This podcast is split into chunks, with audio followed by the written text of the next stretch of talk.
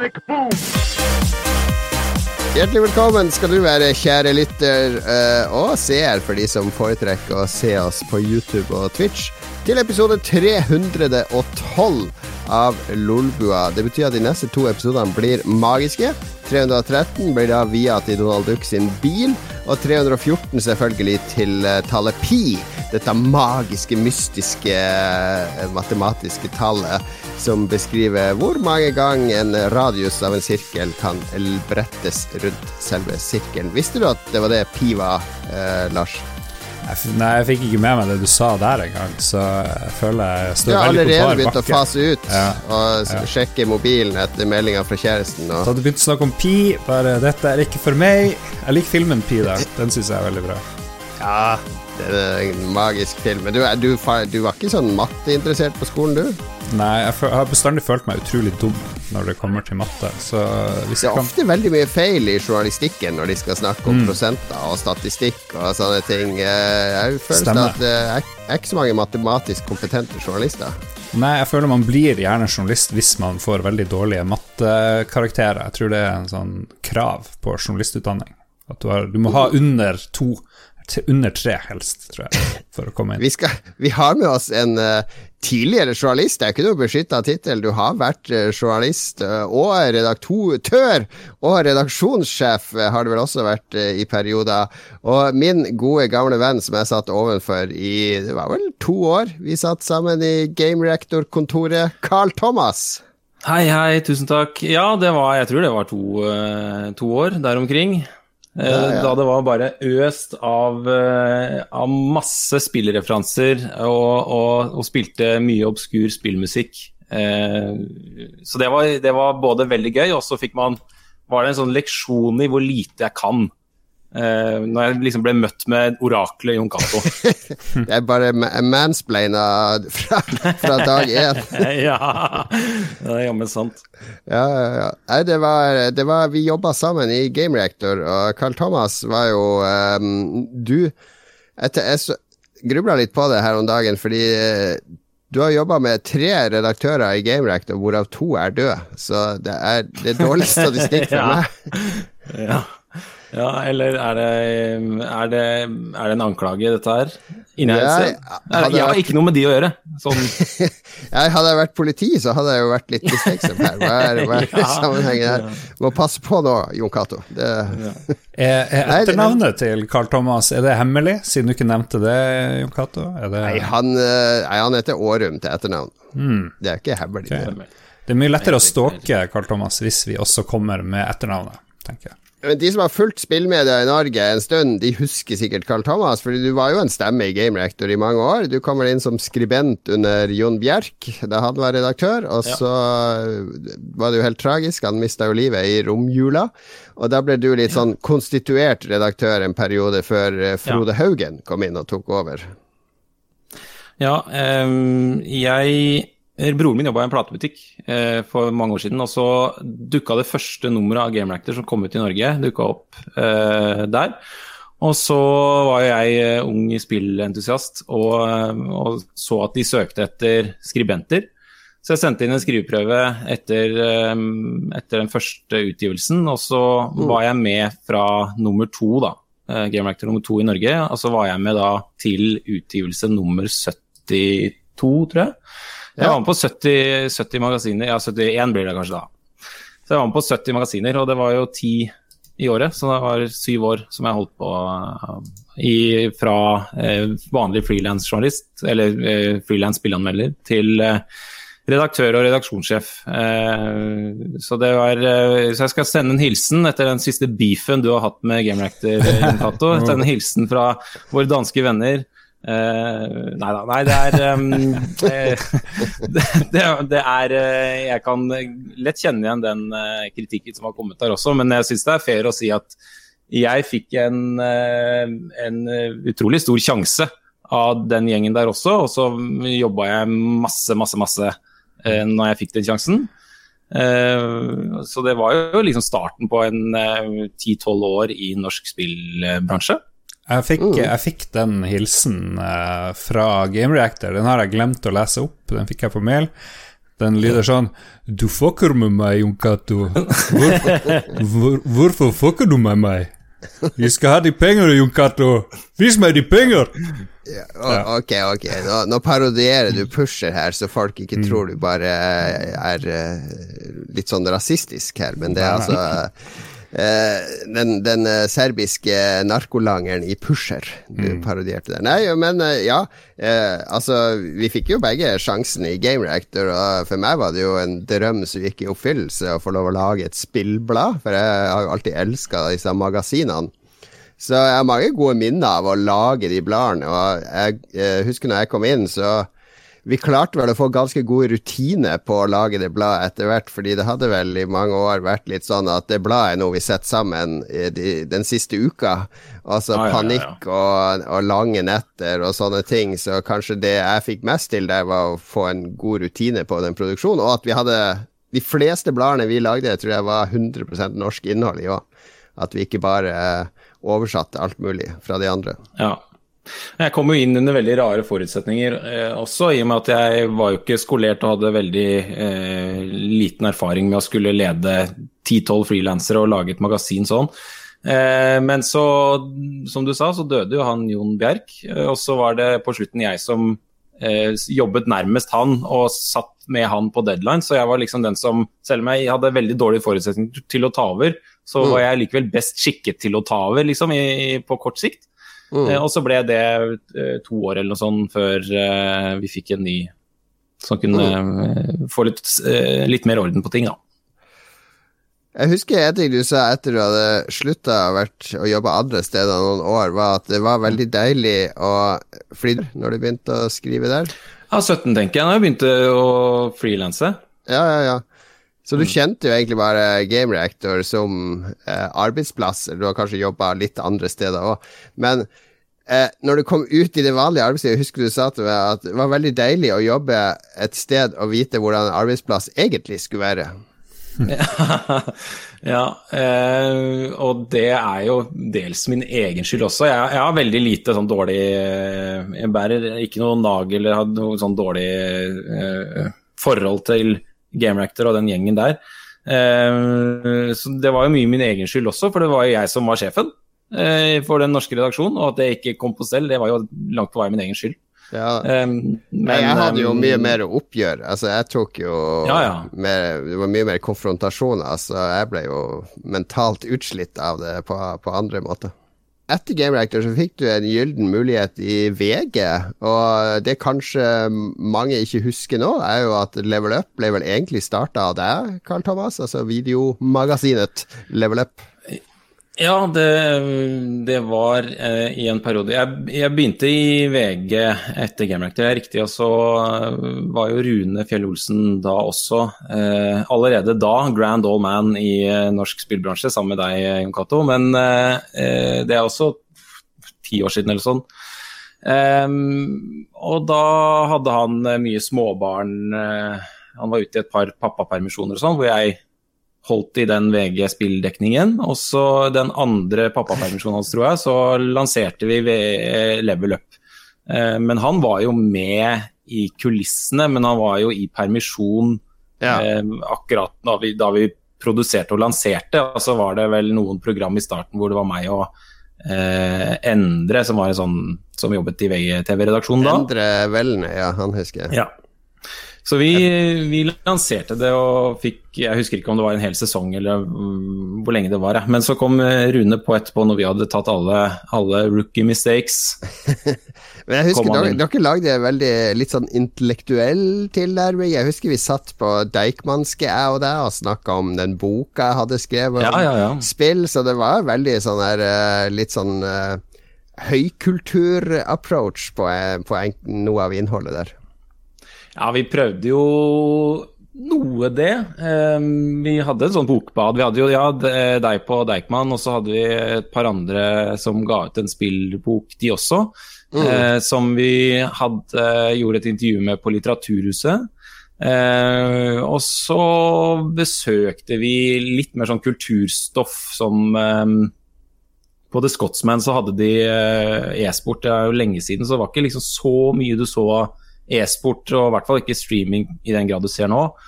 Eh, så det var en sånn gøyal reportasje eh, å krasje Scotsman mens de Jeg tror det var eh, Starcraft de viste der. Eh, da, så det, vi prøvde å lage også litt annerledes spillstoff eh, da, men det er, føles jo bare helt vanlig nå, sikkert. Har vi, har vi sagt hvilket år, år, vi er i, uh, cirka her? Nei, jeg, jeg, jeg tipper ti år siden. Mm. Mm. Ja, jeg likte at du kalte Rune Grand Old Man, fordi hvis, hvis, vi, hvis noen klarer å lage en uh, grafikk, Syvende far i huset, der de skal plassere ja. alle de grand old men i spillbransjen i Norge, er det da Er det Rune, eller er det meg som vil være syvende far? Han, han gamlingen oppi røret? Jeg tror nok det er du som henger i et horn med sånn langt, hvitt skjegg og pipestemme. altså Rune under der. Ja, det tror jeg nok mange vil være enig i. Ja, ja, ja. Jeg hørte på Radioresepsjonen her om dagen, der var det et dilemma om hvem av de syv farene i huset vil du være. Ikke at vi skal kopiere det, men uh, siden da så har du forlatt spillbransjen, og nå jobber du som uh, kommunikasjonsrådgiver i Direktoratet for samfunnssikkerhet og beredskap, stemmer det? Det er riktig. Og uh, Jon Cato, bare å glede seg. Offentlig sektor er så digg. Jeg gleder meg stort allerede. Gleder meg stort allerede. Eh, men det må ha vært sånn høytid for deg i det siste. Nå endelig en pandemi. Endelig alt vi har snakka om eh, ja, og forberedt folk på de siste årene. ja, ja, ja. Det er klart. Nei, jeg følte akkurat da jeg bytta jobb, så tenkte jeg nå har jeg, nå har jeg redda verden i, fra alien, rominvasjoner, fra den ene verdenskrigen større enn den neste nå kan jeg gjøre det liksom på ordentlig. Ja. Og da begynte jeg å jobbe i Direktoratet for samfunnssikkerhet og beredskap.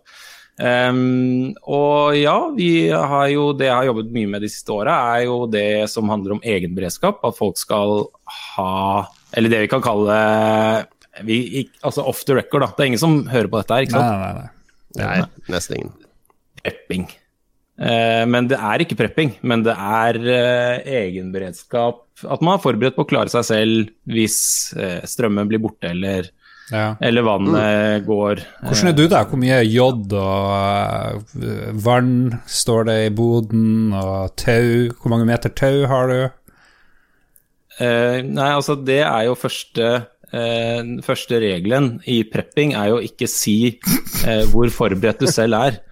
For da blir det jo et mål, ikke sant. Hvis alle vet at her er det fullt av jodtabletter og tørrmat, mm. så, så kommer jo hele nabolaget hit. Ja, altså, du har ingenting, da. Jeg er kjempedårlig forberedt. wink, wink. ja. Vi har jo vår venn Mats som er fast i redaksjonen, og han, jo, eh, han har jo skytevåpen, så han mener jo at han klarer seg med det, fordi han bare går til naboen og tar det han trenger når det skjer. Topp. Mm. Men hva er det sånn, dere har vel sånne scenarioer for uh, pandemier og epidemier? Hva skjer hvis det kommer til Norge? Har eh, covid-19 eller korona har det utspilt seg i henhold til teoriene deres, eller har det skjedd noe sånn uventa i, uh, i forhold til planene dere hadde lagt? Ja, jeg må si jeg er litt på tynn is eh, foreløpig til å skulle si at det har gått eh, eh, som, som, planlagt. Eh, det er ikke helt mitt bord. Det er jo en egen fagavdeling som gjør, som, eh, og den evalueringen er vel ikke helt i gang heller. Men, eh, men jeg husker i starten, da jobba jeg veldig intenst med det. Da advarte vi litt mot at man kan ikke Man kan ikke ta alle deler av den scenarioanalysen vi hadde på pandemi, og bare oversette til dette. Mm. Ja. Um, så det, er, det, var ulikheter, men jeg, jeg, rett og slett jeg kan det for dårlig, akkurat det, til å kunne ja. si det. Ja. Men ta de viktige greiene, da. Eh, hvor, hvor, langt har du kommet i jobben med å avdekke hvem som lagde det der uh, viruset? Var det kinesere, mm. var det USA? Hvem, hvem står egentlig bak der? Uh, jeg skulle ønske jeg hadde et innmari sånn vittig og gøyalt comeback, men etter eh, fem år i norsk offentlig sektor, så er det bare slepet av. Så det sier jeg. jeg kan jeg melde bare pass? Det, det, vet jeg. Det jobber vi med, det vet jeg ikke. Har, eh, har, dere, spiller dere brettspillet Pandemic og sånn av og til, når det er fredagskaffe? Og Vinlotteri. Står, står ikke det oppe her et sted? Det står bak her et sted, tror jeg. Ja. Eh, ja, jeg har, eh, jeg har jo en slags drøm om at jeg skal få med meg den gjengen som faktisk jobber med å gjøre scenarioanalyser på et eh, Om det blir en eh, YouTube-stream av at liksom fagfolka her skal forberede og, og overleve gjennom pandemien i Pandemic. Det hadde vært veldig gøyalt. Ja, ja, Ja. Eh, har du innsyn i alien-planene når de kommer? Er du, har du høy nok clearance for det? Ingen, ingen kommentar. Det var litt morsommere. Du tok den litt fortere i sted. Nei, ok. Vi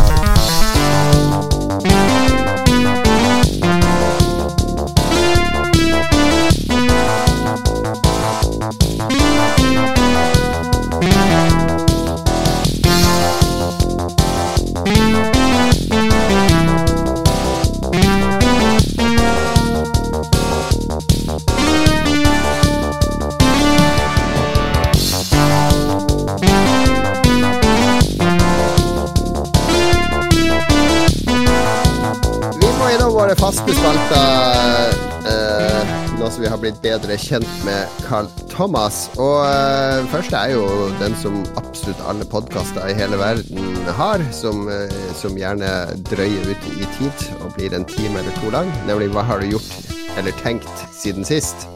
Det var du som la til det 'tenkt', Ja, Lars. ja det er, og det er ingen som har lagt til noe tenkt, så jeg føler at det, den står Det er et koldåpent bord her, egentlig. Det er litt sånn der eh, krampaktig forsøk på litt sånn intellektuelt. At jeg, jeg gjør ikke så mye, jeg sitter mest og tenker.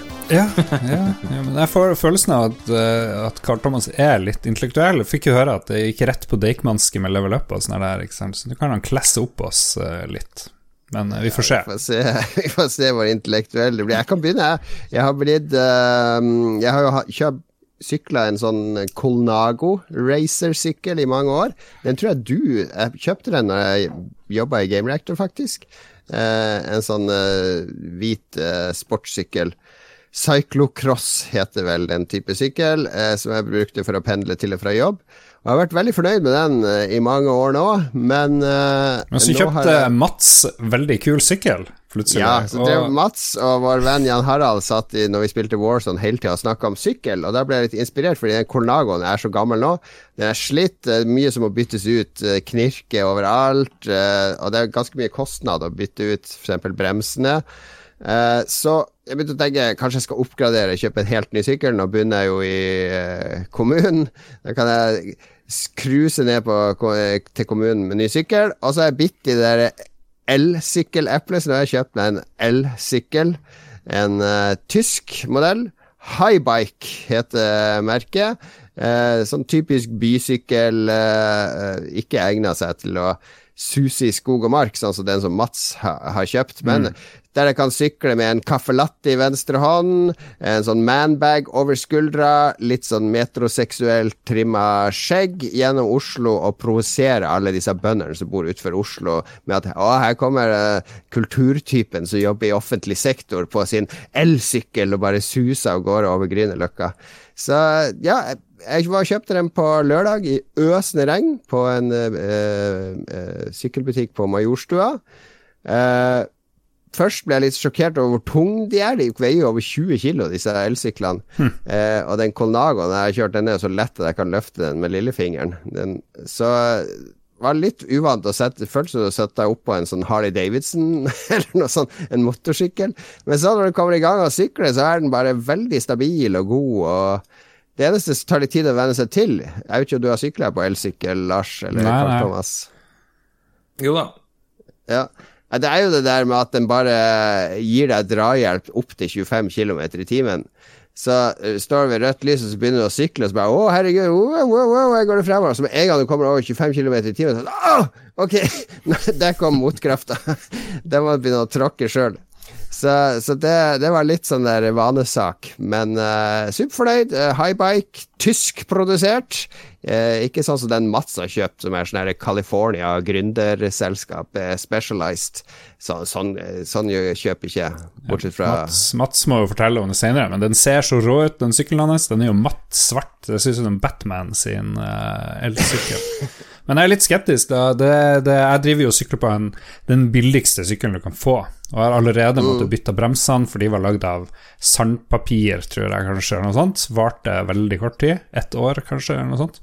Så, så jeg har litt lyst på ny sykkel òg, men jeg har tenkt elsykkel, nei. Jeg skal jo drive og trene, jeg skal jo liksom bygge muskler, bygge utholdenhet osv. Er elsykkel, da driver jeg jo bare og Hvis jeg skal opp Jeg drar jo stort sett opp og ned fra jobb, og så er det litt ja, Men det er ikke en moped. Altså Alle de bakkene du skal opp, vil du fortsatt kjenne, selv om du ikke får den samme ekstreme effekten. Altså Du blir fortsatt svett, og du får fortsatt brukt musklene. Ja, men ikke så mye, liksom. Så det er jeg litt bekymra for det.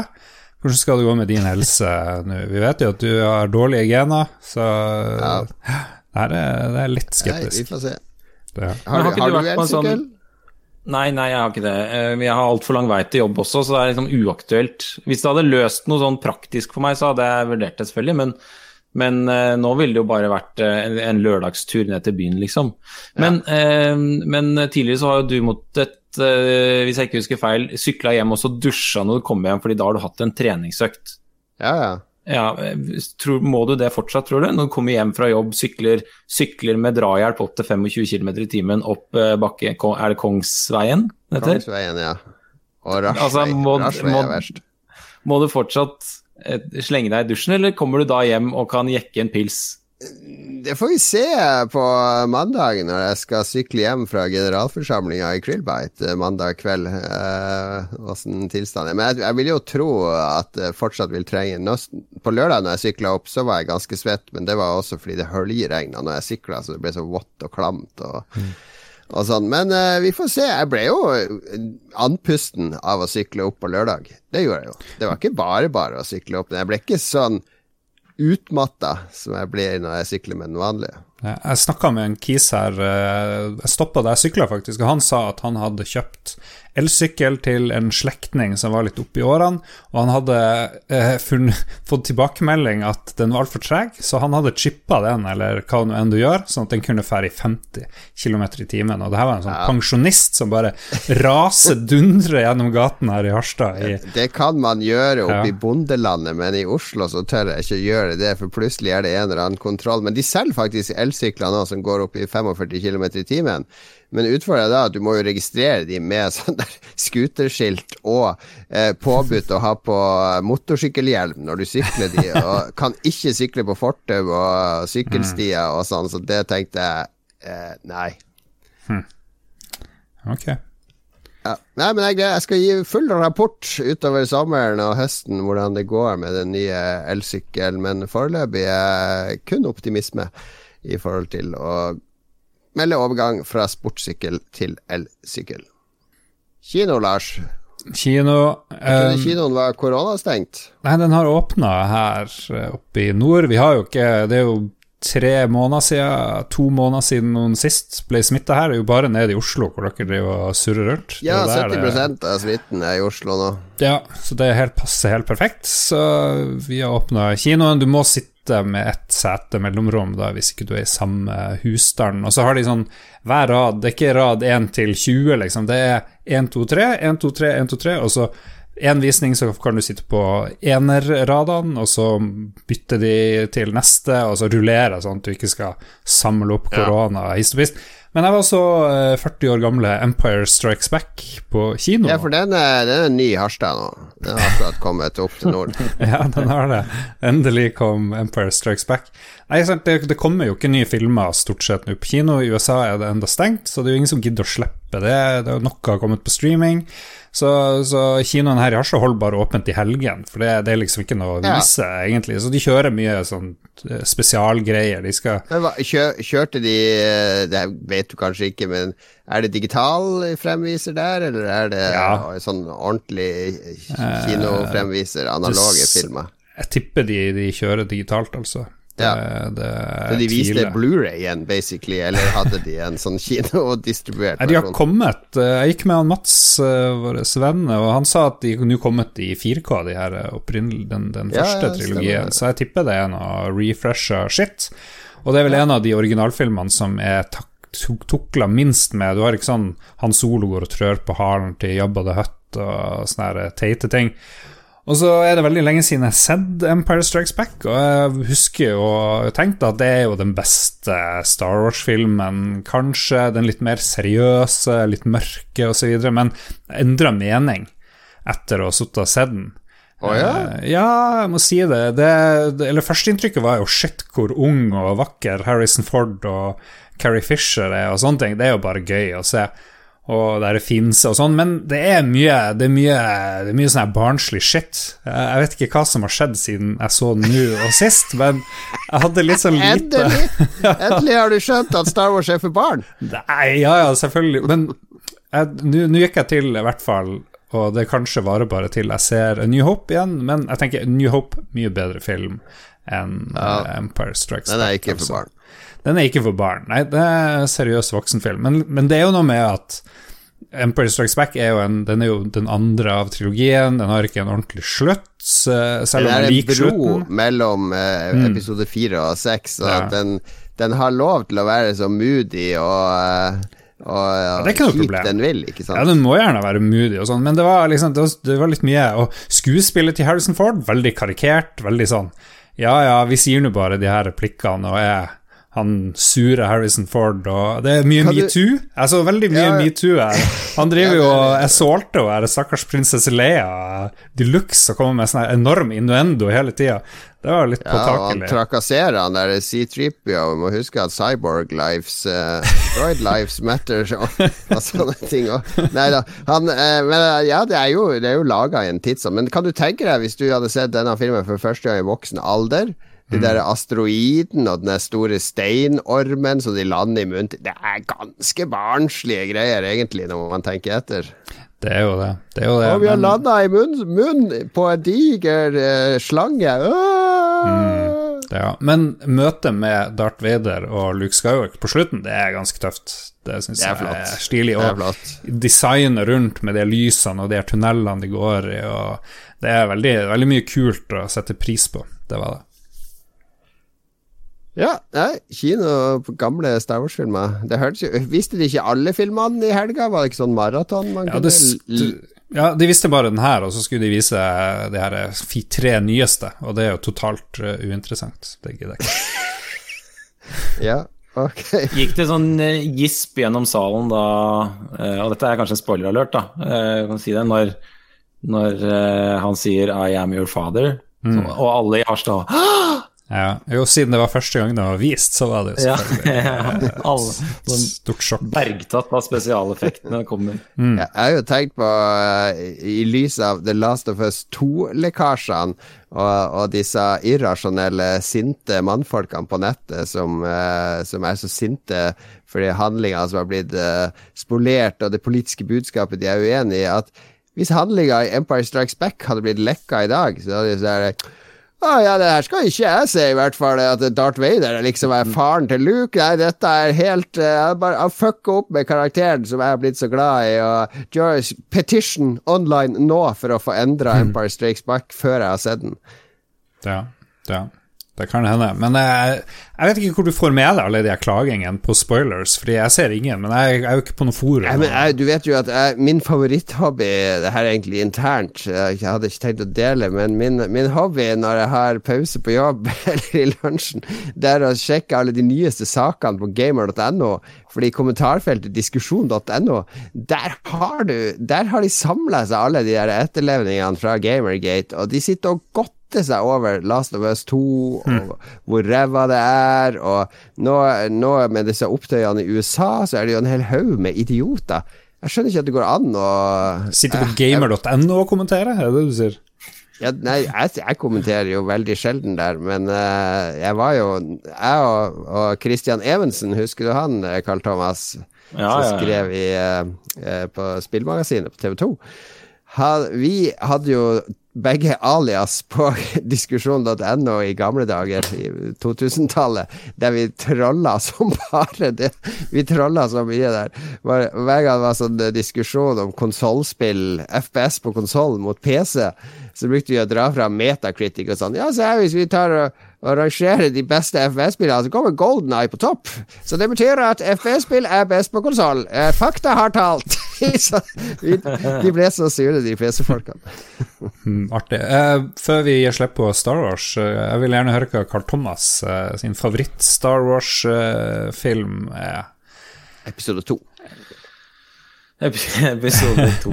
Eh, nei, eh, det er jo kjempelenge siden jeg har sett de, eh, den originale trilogien. Eh, også eh, det, da, da, jeg sist så de, så tenkte jeg ok, ja, dette begynner jo eh, som en vanlig voksenfilm, også liksom episode seks. Da er det full on barne-TV, liksom.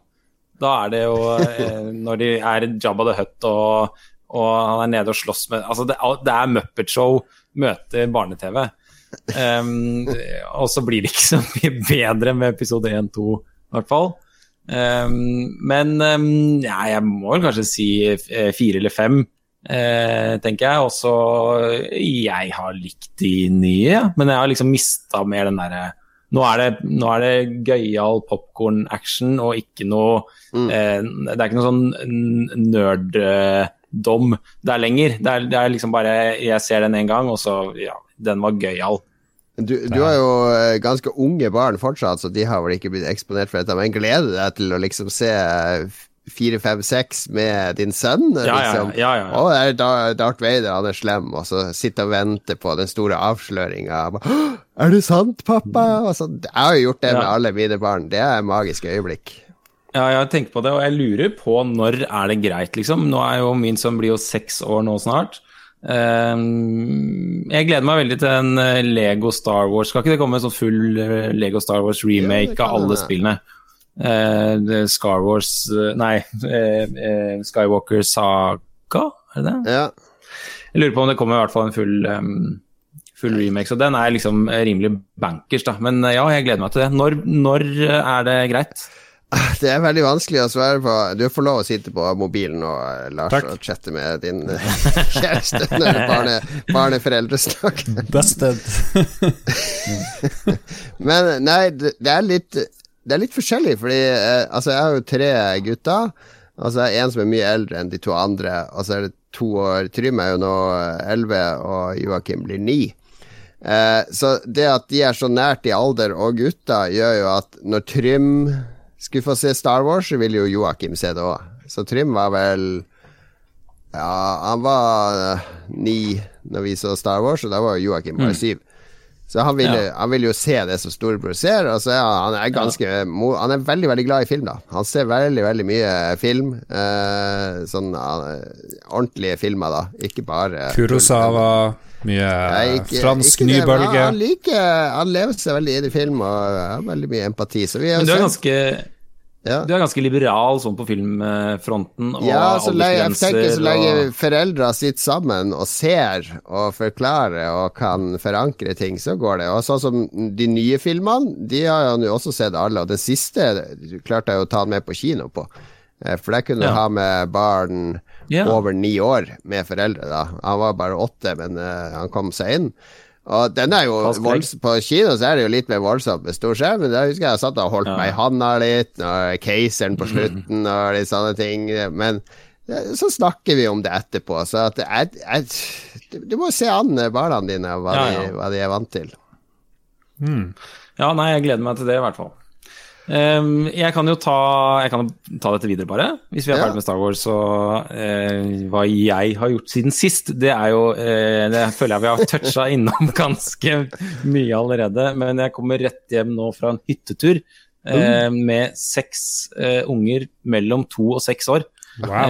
og det har, har vært Det har vært en helg på jobb, føler jeg. Det har vært sånn hvor man skal liksom regulere mellom, eh, for sin egen del, da, mellom det at nå, nå er vi på hyttetur og har det kult. Eh, ungene skal ha det kult, de skal liksom føle at nå er vi på hyttetur og har det kult. Eh, men man må fortsatt være liksom døvefatteren innimellom som bare OK, nå er det natta. Nå er det ferdig. Nå er det ikke mer sjokolade. Nå er det, vi spiser ikke potetgull til frokost. Nå så man går litt fra å være litt sånn hyttetur, hemspolitiet, ikke sant, som stikker huet opp på hemsen og sier hei, hei, nå slutter dere å prate. eh, og det er en uh, Ja, det har vært det er liksom første sånn hyttetur eh, hvor jeg føler at det har vært sånn Hvor jeg kan liksom kjenne igjen min egen barndom veldig med Jeg vet ikke hvordan jeg skal forklare det. Det er bare så rart å være den døve fattern, liksom. Men har det endra seg? For jeg husker da jeg var liten og vi for på ferie og måtte være på hytte eller et eller annet, så var det jo ikke, det var ikke noe opplegg for meg og broren min. Vi måtte jo bare klare oss sjøl. Skulle de voksne holde på med sine ting. Det var ikke noe Det er det du tror, Lars. Det er det du Ja, ja. tror, Lars. Ja, ja. Men eh, det er et usynlig opplegg i bakgrunnen der. Ja, jo, jo, Ja, det var mye forberedelser, og, og sånn de forberedelsene er anno 2020, så er det jo å tanke opp med offline innhold eh, på iPader, laste ned nye spill til Nintendo Switch, og så eh, Vi var jo mye ute og var ute og fiska og, og, og gikk tur i skauen og liksom var ferdig med alt det greiene der. Um, men på kvelden så bare lå de og, og kula med iPaden og spilte og, og herja og hadde putekrig og hadde det kult, liksom. Så det, det gikk jo stort sett veldig bra, men det er litt sånn utmattende, da. Ja, det er ikke Det blir ikke full fest på kvelden etter ungene har lagt seg. Da er det ett glass Det er- vin, og så sovner Ja. foreldrene òg. Natta. Så begynner det igjen klokka seks ikke sant, på morgenen. Ja, Jeg ja, hadde ja, ja. hemsvakt i natt. Nei, det er, det, er, det er en rar fase, det der. Altså, når, jeg, når man har småbarn, den beste dagen i sommerferien er jo når du kommer tilbake til jobb. Etter å ha vært tre-fire uker med ungene på diverse steder og sånne ting. Det å komme tilbake til jobb, det er en helt, er en helt ærlig sak, men det er fantastisk deilig å ja. levere de i barnehage og skole, dra på jobb og bare være omringa av voksne en hel dag. Ja, ja. Ja, ja, ja. Det, er, det er jo en det er jo en klisjé ikke sant? at man kommer på jobben og sier ah, deilig å komme på jobb og slappe av litt. Men det er jo, det er jo sant.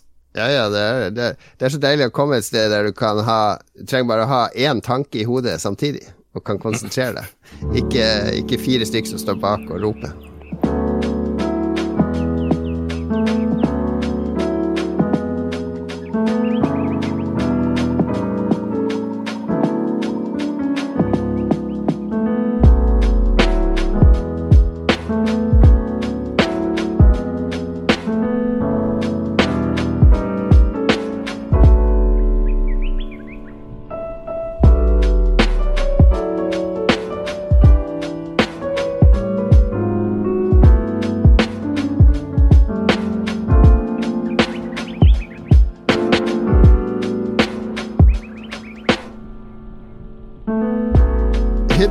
Kino, sykkel, og nå skal det faktisk handle om eh, fest og moro.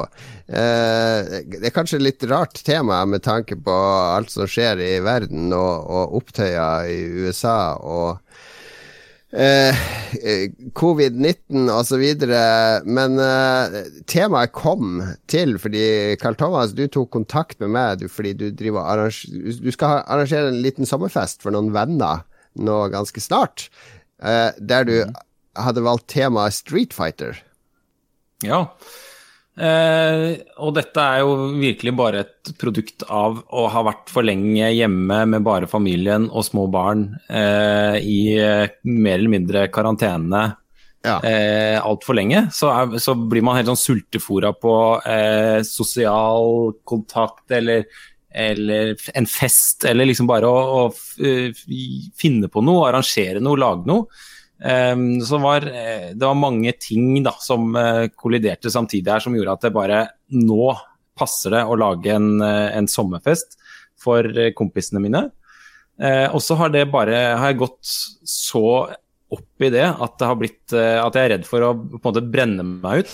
Og jeg er redd for å slite ut kompisene mine med for mye info uh, om denne festen. Jeg har fått tilbakemelding om at de er, uh, de er stressa for at de kanskje ikke kan levere bra nok som gjest. Når jeg er så aggressiv på å skal Wow. arrangere fest. Men en Eh, Street Fighter-fest, da tenker jeg at uh, da har du kobla opp en PlayStation eller noe sånt, og så skal dere bare drikke øl og spille Street Fighter, men det er, det er mye mer enn det du har planlagt.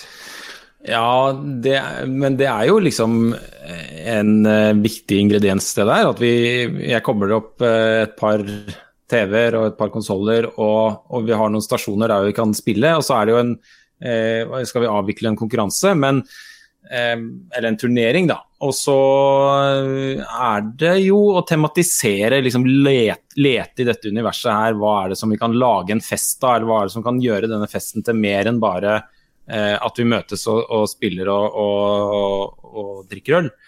Um, så jeg har f.eks. begynt å, å lage drink, et drinkkart, et barkart, eh, ja. og finne noen eh, eh noen temadrinker, da. Eh, så jeg jobber med en, eh, en som eh, foreløpig nå heter Blankas Jeg tror jeg sendte det til deg også, ja, ja, du sendte Blankas av... Elektrosjokk heter den. Innmari kult. Eh, den var grønn med noe rødt på toppen, og den så veldig ja, ja. ut som Blanka. Ja, ja, den er veldig kul, den. Og innmari god. Og den har jeg selvfølgelig eh, jobba med i forskjellig Og miksa meg frem til en veldig god blanding. Eh, så nå jobber jeg med en ny eh, drink som heter Hadoken, selvfølgelig, som er blå. Eh, så det blir eh, altså, er, jeg må jo bare si jeg har gått altfor inn i dette. Jeg har gått altfor opp i det. er helt flaut. ikke sant? Og jeg, skal, jeg har med en prop. Jeg, jeg skjønner at podkast ikke er det beste sånn prop-formatet. Eh, men dere får liksom prøve å, å liksom beskrive hva dette her er. Eh, og det er. Her kommer det, det, må, det er jo en fighting-turnering, ikke sant? så det må jo være en slags eh, jeg, jeg tenkte lenge på hvordan kan man lage et belte et sånn tittelbelte fra en boksekamp. Men dette her er altså et, et kjede, eller en sånn fighting Hva skal vi se, jeg må se det for. En sort kjetting ser jeg på her. Med... Ja. Som, som, som, vinneren skal ha på seg, ikke sant? Wow. Og, det, det sånn, også hvis dere ser Nå har jeg litt lenker og sånn på her. You win, er det. Ja. Den her gleder jeg meg selvfølgelig veldig til å dele ut. Nei, den er jo uh, faktisk perla. Ja, ja, det er perla. Jeg tenkte på det, at det var perling. Hæ. Kult. Det er sånn pixel, uh, pixelperling, for å si det sånn. Ja, og som selvfølgelig enhver Street Fighter-konnoissør vil kjenne igjen, så er jo dette perla etter You Win-teksten i Street Fighter 3, tror jeg. First Strike. Ja. Tror det er det. Ja. Nei, First Impact er det heter. Jeg husker ikke. Jeg husker jeg hadde en Men, kunde i butikken på Akersmik en gang som påpekte at de dumme japanerne kunne jo ikke stave OK engang. Ja, han pekte på et slåsspill der det sto KO. ja. oh. Men, men du, ja, har du tenkt mer på det? For jeg, tenkte, jeg har jo også tenkt på den festen din uh, her. Jeg tenkte Hva med en uh, pinjata forma som en bil? Som man skal ja, banke opp så det spruter godteri ut av den? Ja, uh? Uh? Ja, den har vært veldig bra. Um, nei, når du sier godteri, så har jeg jo selvfølgelig tenkt på um, hvilke godteri kan man servere der. Og da um, er det jo altså For meg, Street Fighter er jo 90-tallet. Mm. og det å liksom gå tilbake og finne okay, var, hvilke godteri var det vi spil, uh, spiste da vi satt og spilte Street Fighter på Super Nintendo. Og det for meg, det var jo snap and crackle og sånn derre eh, gelétatovering. Dere er sikkert ti år eldre enn meg, eh, så det var ikke så opptatt av sånn gelétatovering. Men jeg kunne ta sånn gelétatovering på handa som man kunne sitte og, og, og gafle i seg. da. Um, og det å prøve å finne, eh, finne tilbake til hva var det vi spiste da, og kjøpe inn det for gøy, liksom. Det høres ut som det er litt sånn selvransakelse ja, altså, in, intro, altså, sånn introspektiv eh, opplevelse, det å arrangere den festen.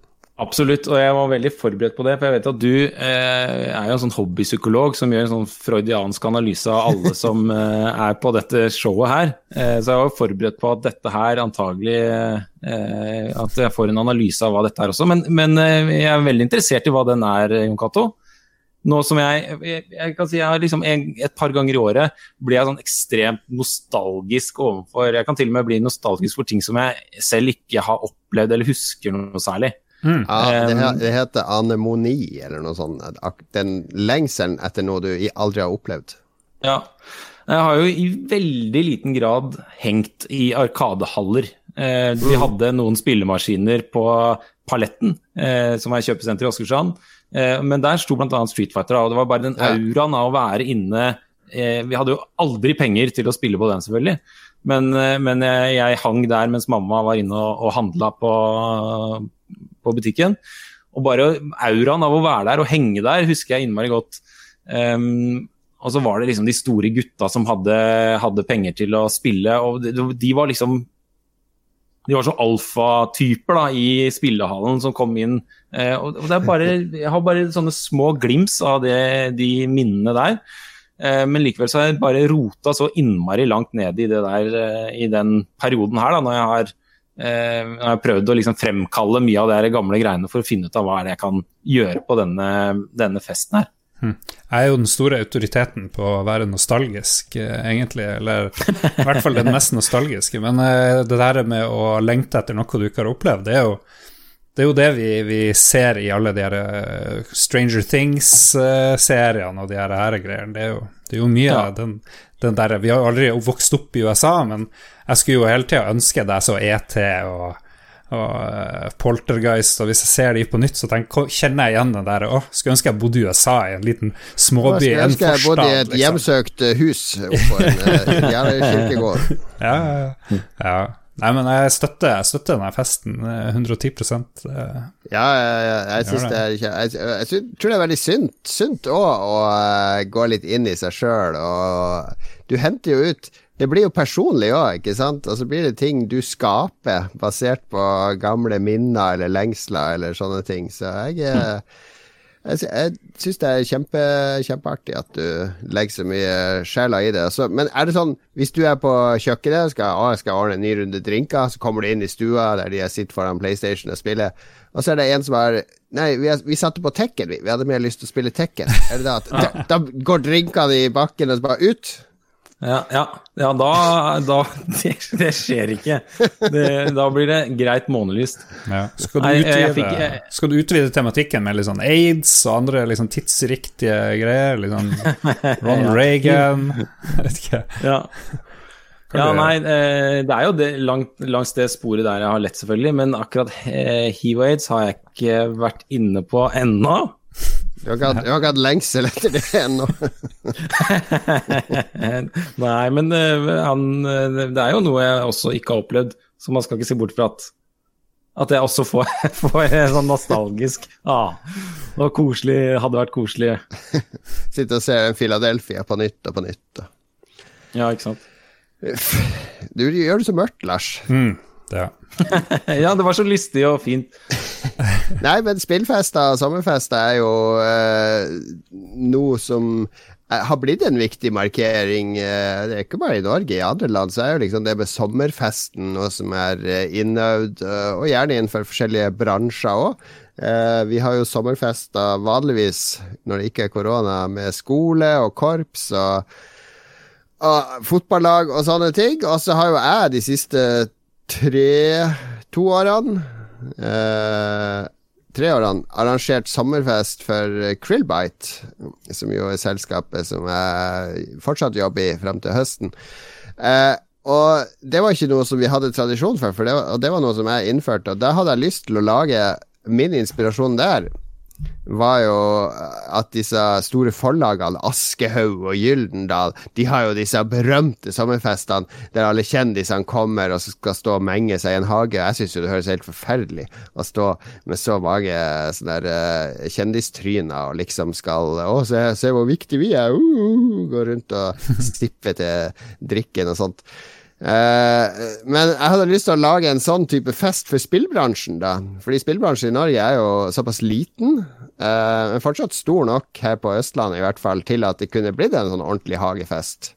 Så to ganger så hadde vi jo den festen, og i stedet for å leie sånn utested, for, for det er jo bare dra på en eller annen bar som du har kjøpt og betalt for å legge ned. Det blir veldig sånn upersonlig, så vi hadde jo de sommerfestene hjemme hos meg. Uh, og på den første så var det vel 70 personer fra norske spillbransjer. Alt fra studenter til andre selskaper, til støttemiddelapparat, til uh, media. Uh, alle, alle, mulige sider av spillbransjen. Og det var veldig gøy å ha en sånn stor arrangere en sånn stor bransjefest hjemme hos seg sjøl. Uh, så det, det er kanskje Det er noe av det jeg kommer til å savne skikkelig fra Krillbite, er det å kunne ta eierskap over og lage de festene. Jeg er jo veldig sånn at jeg hater å gå på fest som andre arrangerer, fordi hvis jeg ikke arrangerer sjøl Sjøl så klarer jeg ikke å slappe av, og så, og så har jeg lyst til å dra hjem hele tida. Når jeg har fest hjemme hos meg, da vet jeg at jeg trenger Jeg må bare sørge for at alle har det bra, og så må jeg bare få det ut i to-tre-tida, og så kan jeg rydde og gå og legge meg. Det, det er helt topp. Det er helt topp. Du har jo vært på fest hos meg mange ganger, Carl Thomas. Eller flere ganger. Absolutt. Ja, det er jo alltid kjempe, kjempegøyalt og veldig sånn eh, eh, godt arrangert. Og så er jo også eh, der dere bor, det er tre etasjer, eller fire Ja, etasjer? tre. tre. tre. Da er det, det er liksom alltid noe som skjer i alle etasjene, som har liksom sitt eget eh, Sist, eller den gang Det begynner å mange år siden jeg var på fest hos dere, men da var det liksom tredje etasje. Der var det rockband-gjengen Ja, ja, ja. som spilte og holdt på. Uh, så kunne du gå opp der og henge litt med de, eller så kunne du gå uh, Det var forskjellige soner, kjøkkensone og stuesone, hvor det skjer Det er liksom noe som skjer der. Det er ikke bare en gjeng som står og skravler. Um, altså det, har, eh, det er veldig gøyalt. Det har alltid vært gøy på, på fest hos dere.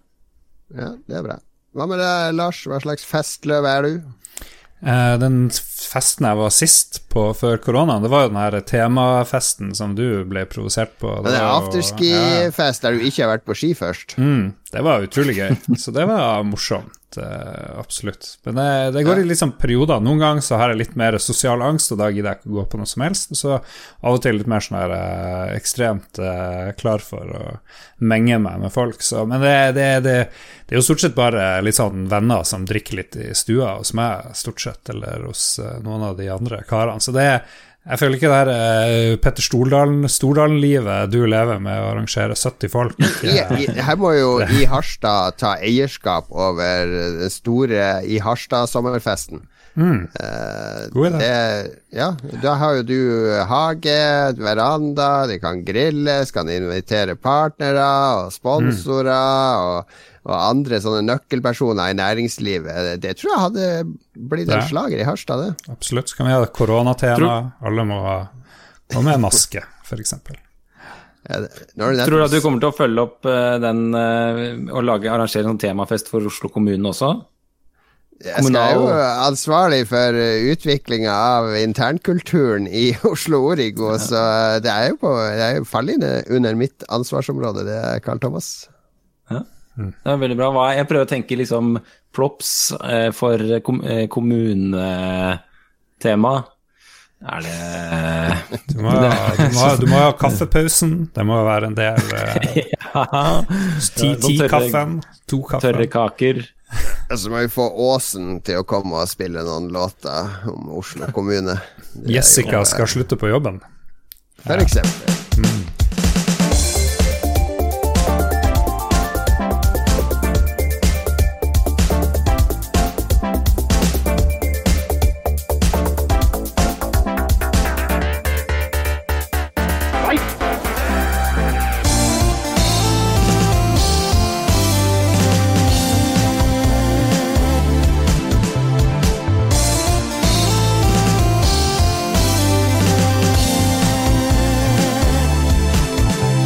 snakker om fester, og da har vi snakka litt om våre egne type fester og sånne ting. Men nå skal vi over til spillfester og spillbransjefester, tenkte jeg at vi skulle snakke litt om.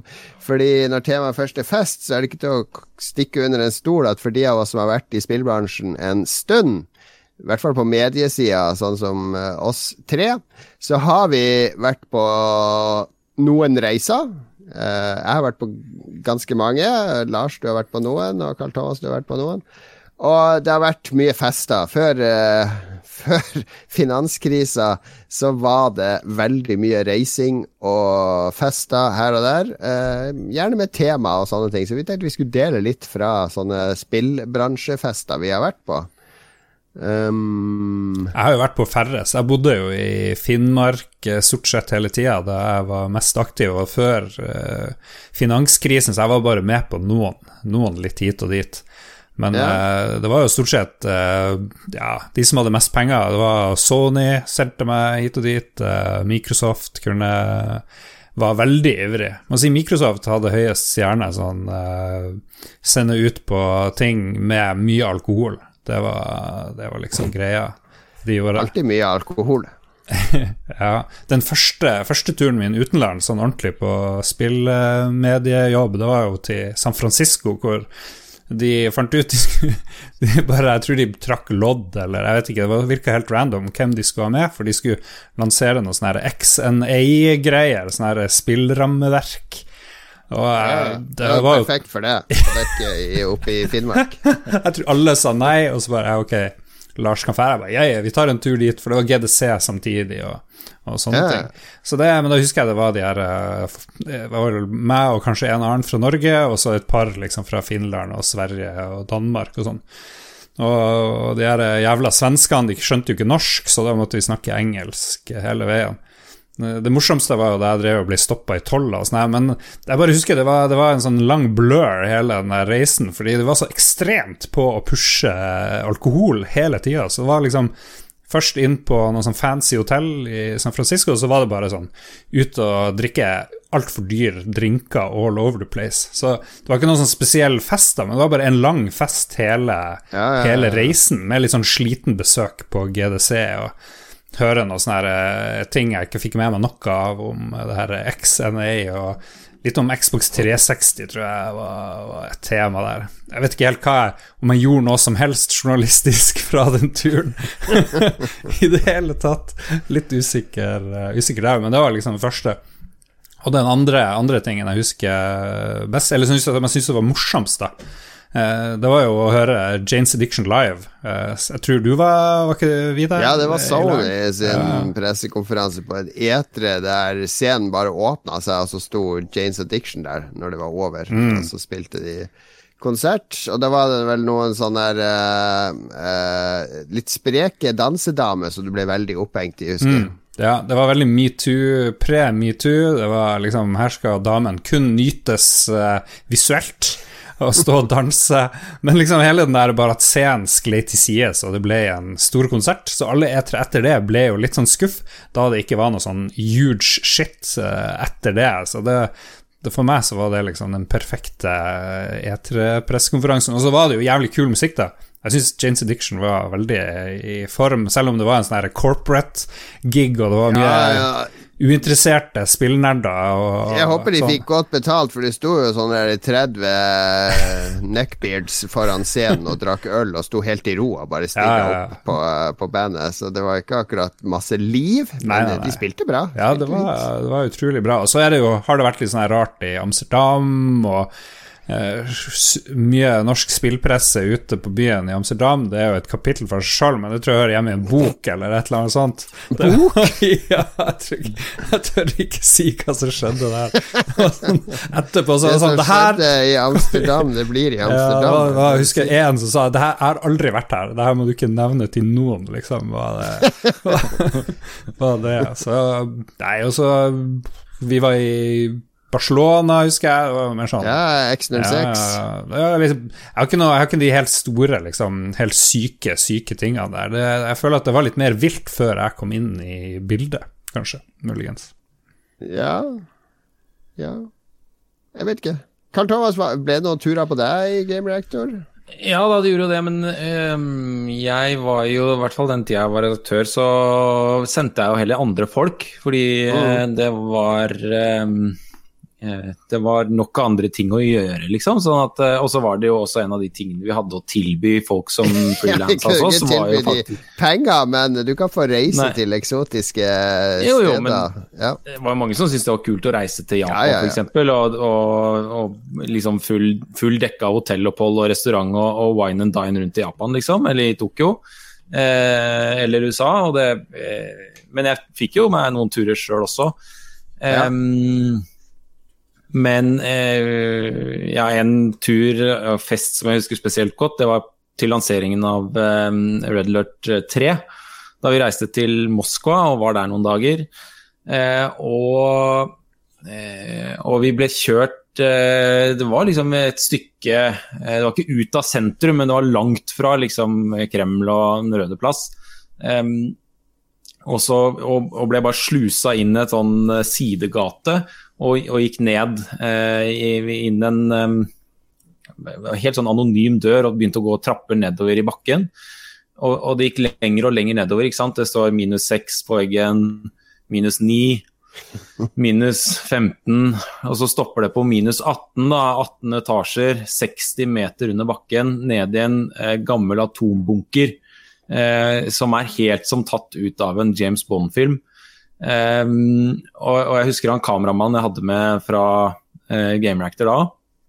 Ja. Han dro seg i skjortekragen og, og, og, og svetta og, gispa etter luft. ikke sant? For han, han ble jo ordentlig stressa av å gå så langt ned i bakken, og, og lufta var helt sånn stillestående og tjukk uh, og, støvete. Så det var, det var liksom noe sånn trykkende, guffent, det lukter sånn uh, kjeller ganger 18, da. Eh, langt der nede under bakken. Eh, og så åpner det seg opp og er et sånt kjempemassivt rom da, der hvor de har rigga i stand til dette Red Alert-arrangementet. Og så kommer det et sånt russisk eh, korps eh, med sånne høye hatter marsjerende forbi og spiller sånn russiske marsjer. Eh, og det var helt absurd. Og da åpna liksom vodkabaren. Og da sto bare ren vodka klar, og så, og så sto det en flaske med appelsinjuice på sida, og så fikk du bare blande sjæl. Eh, og det var gøyal. Eh, og så var det jo et pressearrangement da med, med, Vi hadde intervjuer, og vi, det, vi ble vist Eller det var første live demonstrasjon av det spillet. Eh, og de viste, og vi, det, det var gøyalt sånn sett, men også bare liksom ko-ko å være i en atombunkers i Moskva og drikke vodka og intervjue eh, de utviklerne der. Da. Det var kjemperart. Minneverdig, da. Absolutt. Det er, eh, jeg, kan liksom, jeg, har, jeg, klarer ikke komme på noe mer sånn Jeg, jeg kunne ikke finne på den historien om jeg skulle liksom dikta det opp. De gjør jo fortsatt litt sånne ting. De hadde jo med, med God of War til PlayStation 4 nå, så hadde de jo en sånn der uh, influensertur. Det er jo ikke presseturer lenger. Nå er det jo influencers ja. som blir invitert med på disse greiene. Uh, der de for og seilte med vikingskip her oppe i en fjord i Norge, og det var masse sånne vikingleker og sånn. Men Eh, forskjellen på de influenserne nå, det er at de må jo jobbe mens de er der. Altså, de, de må jo drive og filme og ta bilder og putte ting ut og få likes, og, og ingen av de drikker. De drikker så vidt kaffe. Eh, de, de, er sånn eh, en seriøs ny generasjon. Mens vi, vi dro jo bare på de her turene og ble bare Å, er det gratis drikke? Ja, da får vi drikke. Ho, hei. Å, her er et intervju. Ja, hei. Hva går ja. spillet ditt ut på? Og så kan vi publisere det om en uke, eller når vi kommer hjem ja, ja, ja, og har med opptakene hjem, eller Så vi, vi reiste jo hjem og, og hadde en egen klipper hjemme som Overførte filer, og det tok, jeg ikke, det tok sikkert en uke da, fra vi var der til den, eh, det intervjuet var ute, liksom. Ja, det skulle ikke ut med en gang.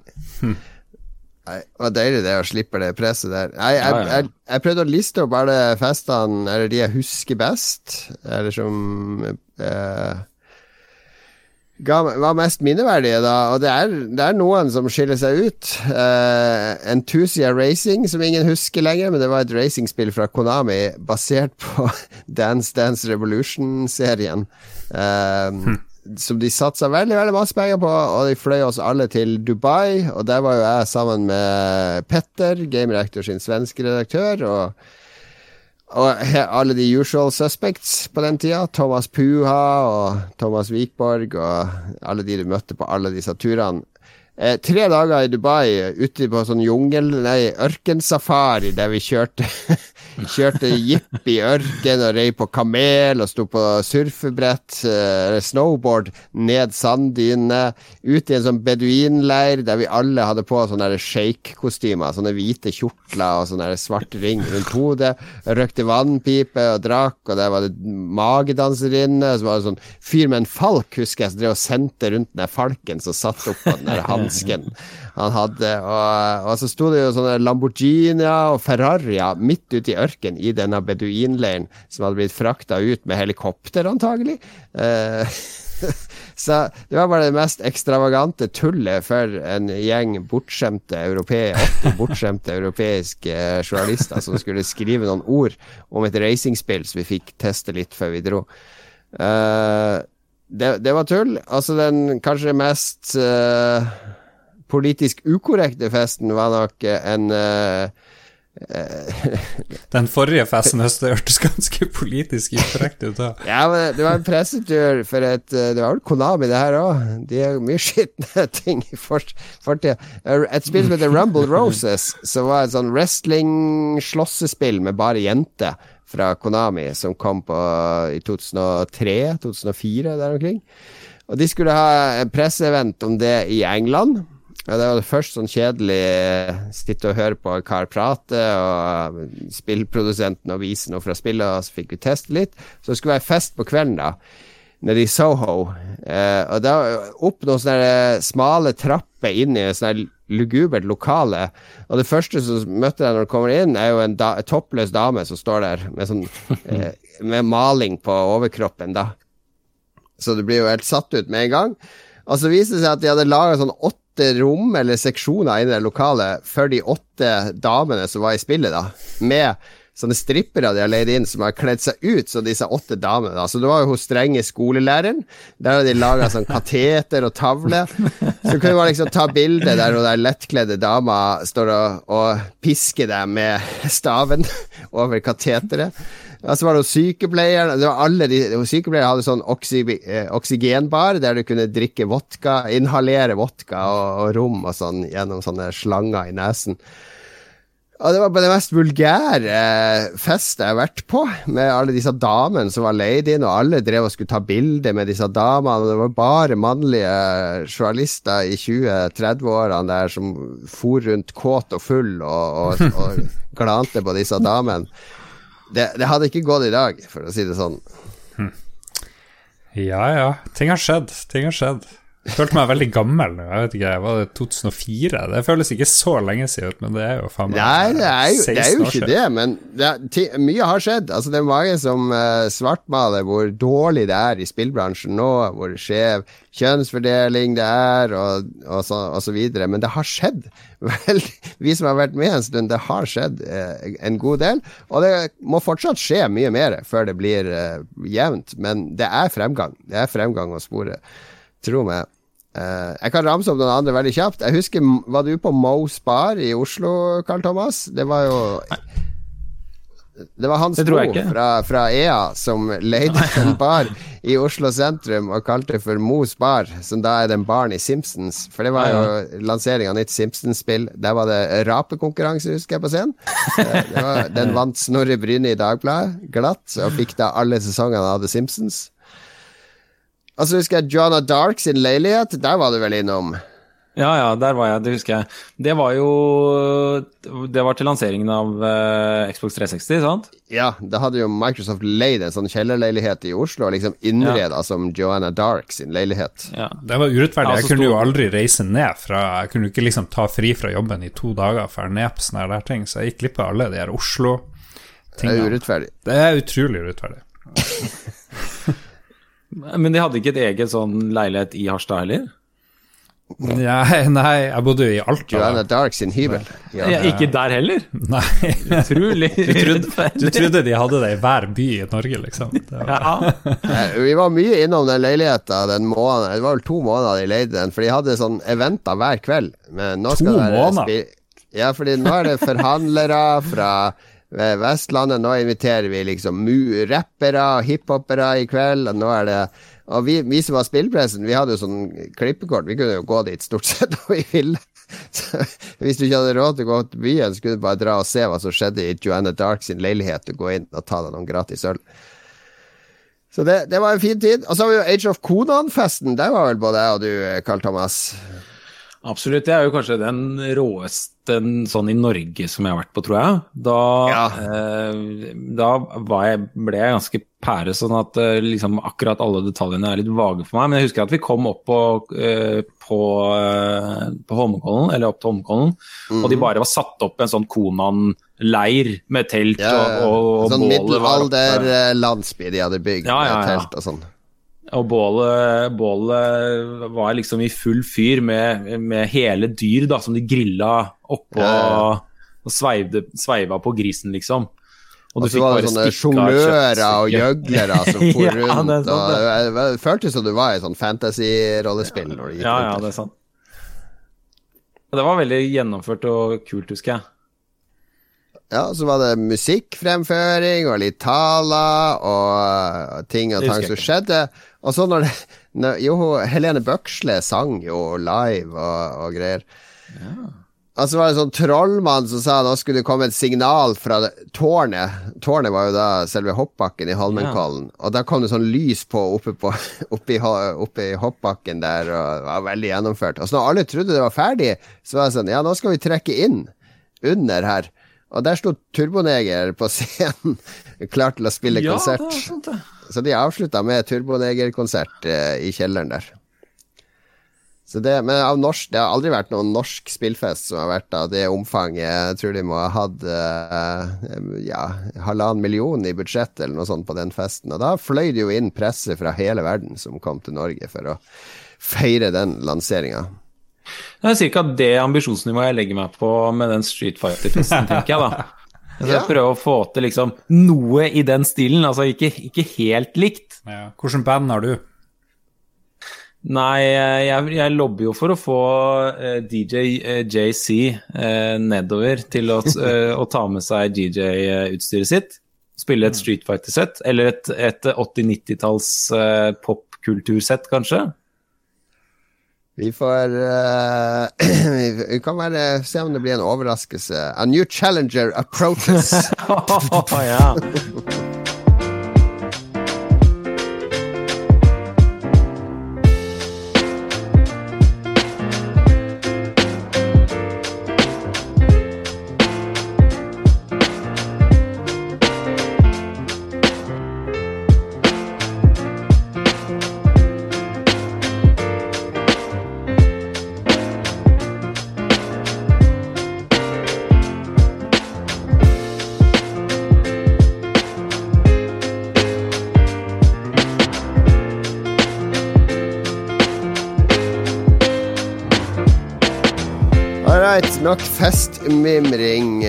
Kjære venner og lyttere.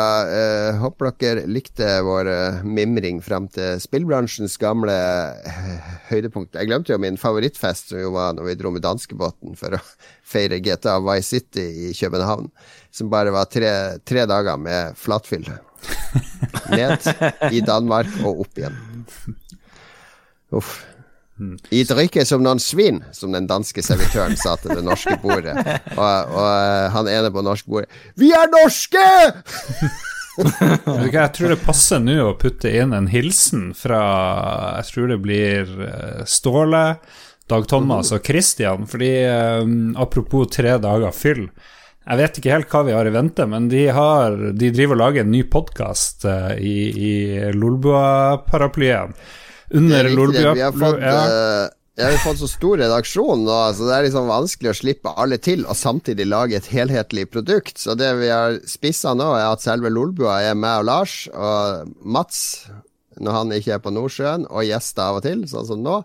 Og så har Ståle og Christian og Dag Thomas eh, bestemt seg for å lage en egen podkast under Lolbua-paraplyen. Ja, og så kommer Philip òg til å dukke opp i vanlig Lolbua. Men ja, Ståle, Dag Thomas og Kristian har funnet ut at de skal gjøre noe, og de, eh, de skal ha laga et innslag hvor de skal presentere eh, det opplegget her, og det, det kan vi jo høre nå. Vi, vi er hissige, Ja. vi er slemme, Ja. vi masturberer hverandre uten å trekke en mine. Plutselig det jeg rønna Last of Us 2, da.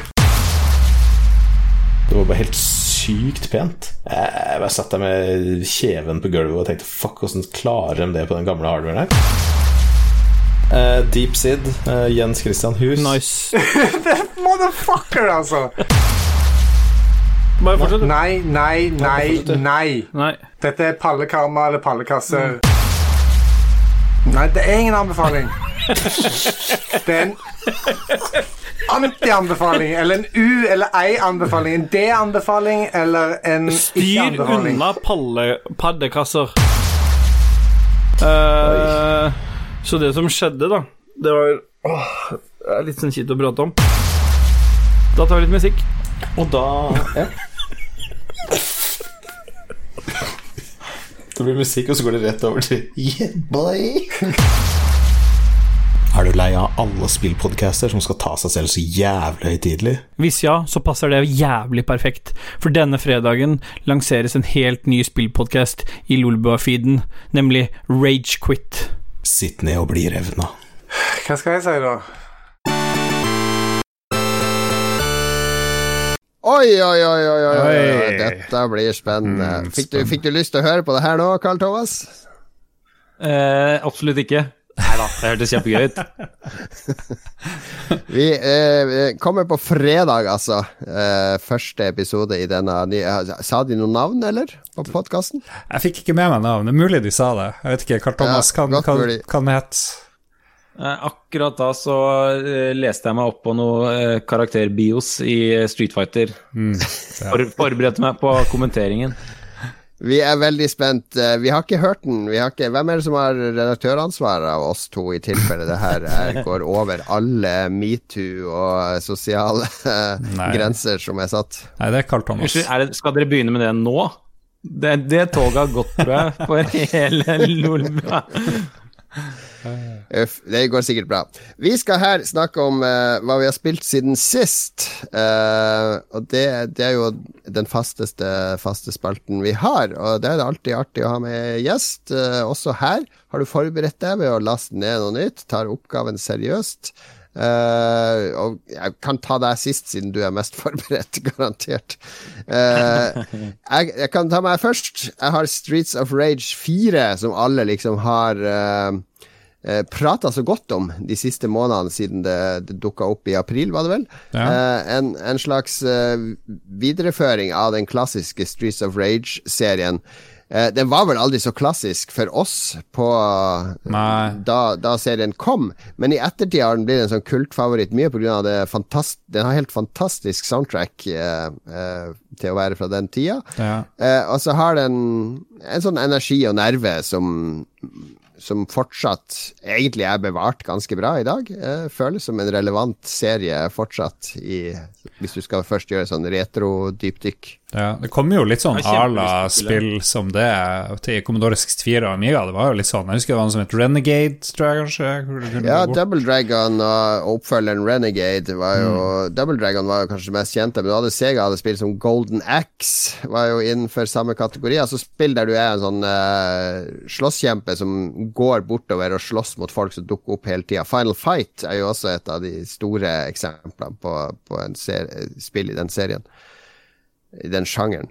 Men Streets of Rage 4 er da en moderne oppfølger til disse gamle klassikerne. Og det fungerer så bra at jeg egentlig lurer på hvordan de har Altså Her er det noen som har gjort veldig veldig god research på hvordan de spillene er morsomme. Fordi eh, ofte sånne spill blir litt sånn ensformige og kjedelige. Det må være skikkelig impact i slag. Uh, du må føle deg litt OP i forhold til motstanderne, men samtidig må det være en balanse med at du eh, ikke blir bare overkjøre all motstand. Og, og det har de klart på en formidabel måte. Og du har en sånn risk reward-greie med at du kan bruke sånn spesialmoves, men de dreiner også livet ditt. Så du kan, har du mye liv og vanskelige fiender, så kan du ofre litt liv på å få inn ekstra mye skade. Og kan hente dette inn igjen, finne mat osv. Men jeg, bare storkoste meg. Det eneste jeg savna, var å spille sammen med noen. Jeg orker ikke spille online med en random eller Nesten ikke med en venn heller. Jeg føler sånne spill må man sitte ved siden av hverandre og, og high five og eh, heie hverandre frem og, og hjelpe hverandre, og ikke over nett. Men, men, ja, Men kan du ikke jeg- få inn en av gutta dine da, til å, eh, til å banke opp eh, korrupt politi og lettkledde damer sammen med deg? Jo, jeg kan det, men det går hvis de, hvis de er ganske dårlige, hvis det er sånn felles liv, og de begynner å bruke alle livene våre, så blir det mye kjefting fra far. Ja, denne her, den har jeg en grei oppfølging på etterpå, eh, må jeg si. Men, men jeg har hatt innmari lyst til å kjøpe Streets of Rage 4, og, eh, men da for å spille med min sønn på da snart seks år. Og så Ja. så jeg en trailer hvor, hvor du tar opp et svært sånn stålrør og går Ja, etter politiet og banker opp en sånn politimann i uniform, liksom. Så tenkte jeg ah, kanskje ikke akkurat Ja, det er helt politisk korrekt nå, det, da. Å banke opp politimannen. Ja, det er sant. det. Ja, jeg hadde også lyst til å laste det ned, men uh, siden jeg ikke hadde noen egentlig klar til å spille det med, så, så droppa jeg det. Men uh, vi kunne jo prøvd den. Uh, har du spilt gjennom det? Det Nei, nei, jeg har bare spilt to, to leveler, så vi kunne, vi Mm. prøvd å spille på nett. Kanskje du til og med kan streame, Lars? Ja, ja, ja. Vi, jeg Jeg spiller jo på. PC, da. Nå må du, du må laste det ned på PC. Spille på PC? Hva er poenget? Det er jo et konsollspill. Ja, ja. Det koster jo dobbelt så mye på konsoll. På PC er det jo en del av Xbox GamePass, så du kan jo spille det for ti kroner måneden. Mm, ja, ok. Vi får se. Ok, vi får se. Det er det Lars sier at det kommer aldri Det betyr det kommer aldri. Det kommer aldri til å skje. Vi får se. Ok, Lars, du har spilt om noe du ikke kan snakke om ennå? Nei, jeg har, jeg har jo fått eh, Last of Us 2-kode og sånt, men jeg tenker jeg, jeg har jo ikke runda Last of Us det første. Jeg har prøvd to ganger før. Jeg lasta den ned i fjor, i, mot slutten av året. Jeg vet ikke om det kom gratis på PlayStation Network eller noe sånt.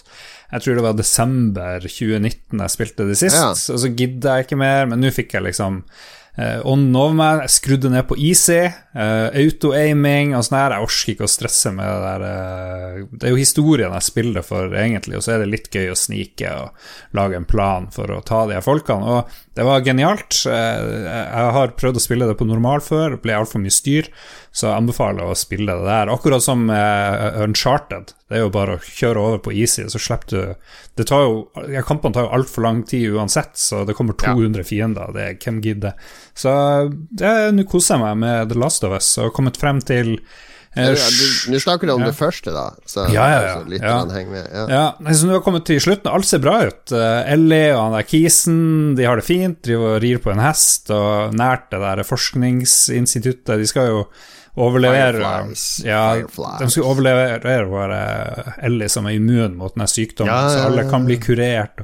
Ser veldig bra ut. Jeg ser for meg en lykkelig slutt uh, komme snart. Må bare komme forbi noen zombier og sånn der. Så. Men jeg, jeg liker, kanskje jeg liker mest eh, eh, dialog og folkene, og musikken syns jeg er helt strålende eh, i Ja. det der eh, spillet.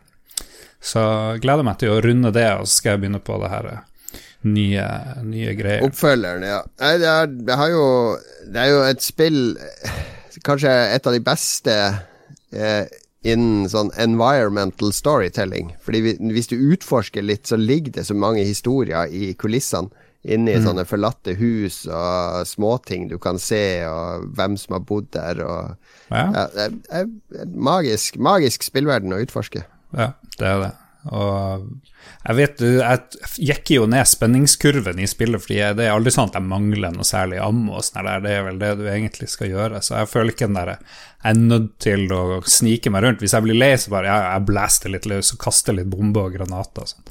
Men det, det, det Hvis du aldri har runda det og har det, så vil jeg bare anbefale å skru ned det eh, nivået, så blir det gøy. Er du ikke redd for å drepe Eller å, å liksom bare bli sånn utmattet av hele det universet innen du skal begynne å spille det du egentlig skal spille? Ja, kanskje, kanskje litt. Jeg vet ikke. Det, jeg håper det er ikke så lenge igjen til det er ferdig, da. eh, nå, for nå begynner det å bli nok. Det er jo et kjempelangt spill. Jeg tror jeg brukte 18 timer eller sånn. Men, men jeg har gått på den blemma der sjøl. Eh, og, og liksom syke meg opp og jobbe meg opp. Nå kommer en ny, jeg tror det var en Charted 4. Da tenkte jeg bare nå skal jeg bare gønne gjennom alle. Og bare halvveis i en Charted 2 så tenkte jeg bare ah, my lord, dette er dødt. Jeg orker jo ikke liksom ett og et halvt spill til før jeg skal begynne å spille det jeg egentlig skal spille. Så jeg var jo dritlei av hele det universet før jeg Det Det er en viss fare, det der.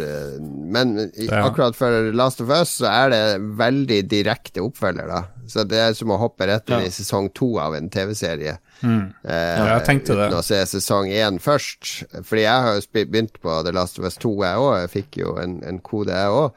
Så jeg kan jo ikke si så mye om det. Men uh, du går glipp av en god del hvis du ikke har noe forhold til de karakterene og det universet fra før av. Fordi det, det gjør ikke veldig mye for å forklare uh, Mm. hva som har skjedd før. Nei, Men det holder at jeg spilte det for vet ikke, fem år siden. Jeg husker ikke når, hvor lenge det er siden. jeg. Så lenge du husker det, liksom? at uh, det var en fyr som heter Joel som drassa på hun jenta Ja. endelig over hele USA, og at de opplevde masse underveis, og sånn delvis åssen det slutta. Så hvis du har spilt gjennom det før, så er det ikke verre enn å se en sånn femminutters. YouTube-recap av det første, før man begynner på det andre. Ok, Karl Thomas, hva er det du har lasta ned på din Switch? Du, jeg har ehm, eh, som sagt vært på hyttetur og tok med meg Clubhouse Games 51 Worldwide Classics. Eh, som er en eh, stor samling av eh, Man skulle tro Er det noen som vil gjette hvor mange spill det er der? Det, jeg lurte veldig på det, jeg skjønte ikke det navnet. Hvorfor er det 51 og ikke 50? Det er nesten provoserende. Det, vet du hva? Det er 52. Er det 52, ja? Det er 52 ting du kan gjøre der. Det er, eh, men det siste er eh, en, et, en sånn liten piano eh, Det er ikke et spill som sådan, jeg syns bare det er så rart at det, dette er teknisk sett ikke et spill, så da sier vi 51, og så er det eh, 52 menyvalg, da. Som du kan velge. Ja, 52 kan jeg skjønne, for det er antall kort i en kortstopp. Ja, det er det litt eh, sjarmerende. Men skal du fortelle om alle de spillene? Ok, nummer én. Fem minutter om det første spillet. da Ja, det er eh, Nei, det jeg aner jeg ikke. Vi har, vi har eh, hatt den liksom flytende rundt på hytta. Ungene har spilt litt, funnet noen ting de syns var gøy. Jeg prøvde noe sammen med ungene, noe litt aleine. Det var f.eks. Uh, Finn to like, altså matching uh, Ja. pair-type spill. uh, ble veldig populært blant de fem-seksåringene, da. Hvor de skulle liksom prøve å finne to like Mario-kort, og, to, og der er det to Bowser og Ikke sant? Mm. Konseptet er jo velkjent. Ehm, og det syns de var gøy. Det var et sånt eh, airhockey-aktig spill hvor du bruker um, eh, trykken, trykkfølsomme skjermen og du kan spille mot hverandre, liksom. Så det var veldig sånn lettvint å ha med på uh, en hyttetur med Det krever liksom ikke noe forkunnskap, det er, krever veldig kort tid å bare hoppe inn i og spille en match med, med airhockey.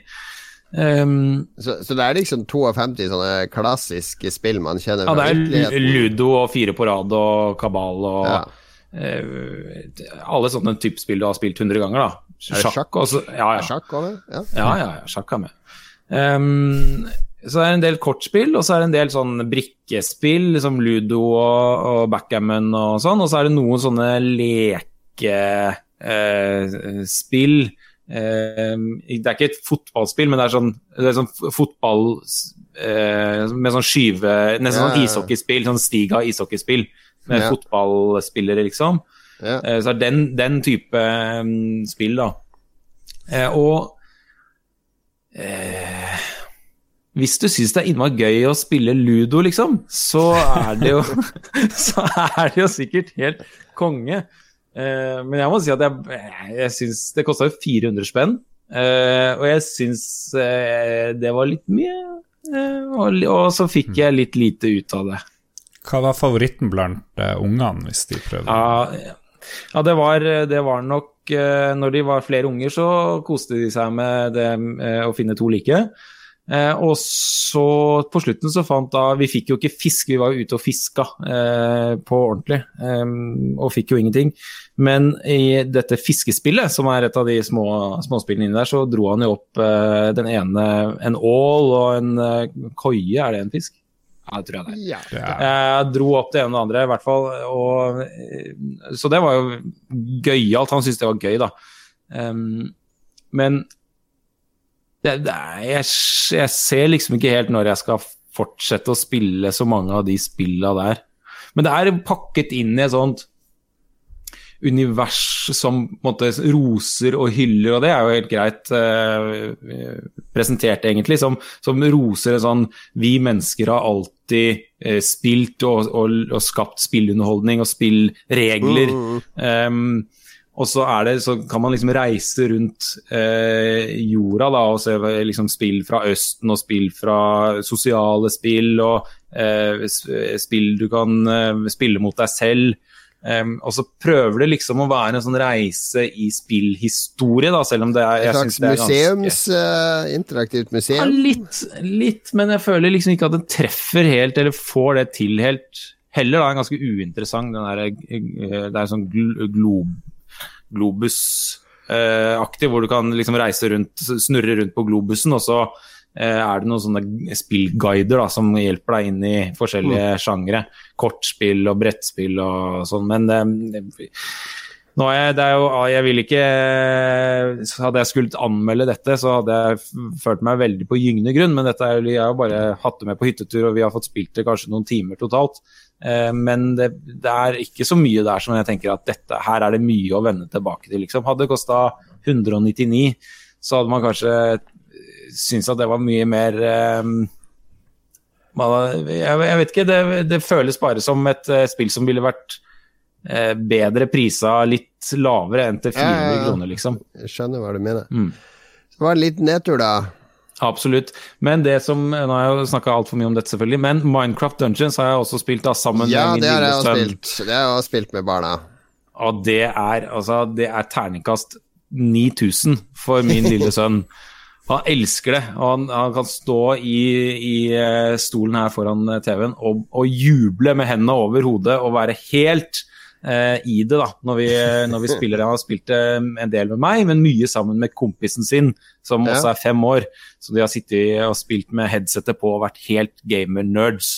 Ja, Ja, veldig kult. Det ikke, har du en sånn kone som er litt sånn hm, er ikke, Det er litt voldelig, det er zombier, de kan, og de kan skyte den kua, eller er det du forståelse for at eh, Kjære kone, dette har jeg kompetanse på, dette går Ja. helt bra.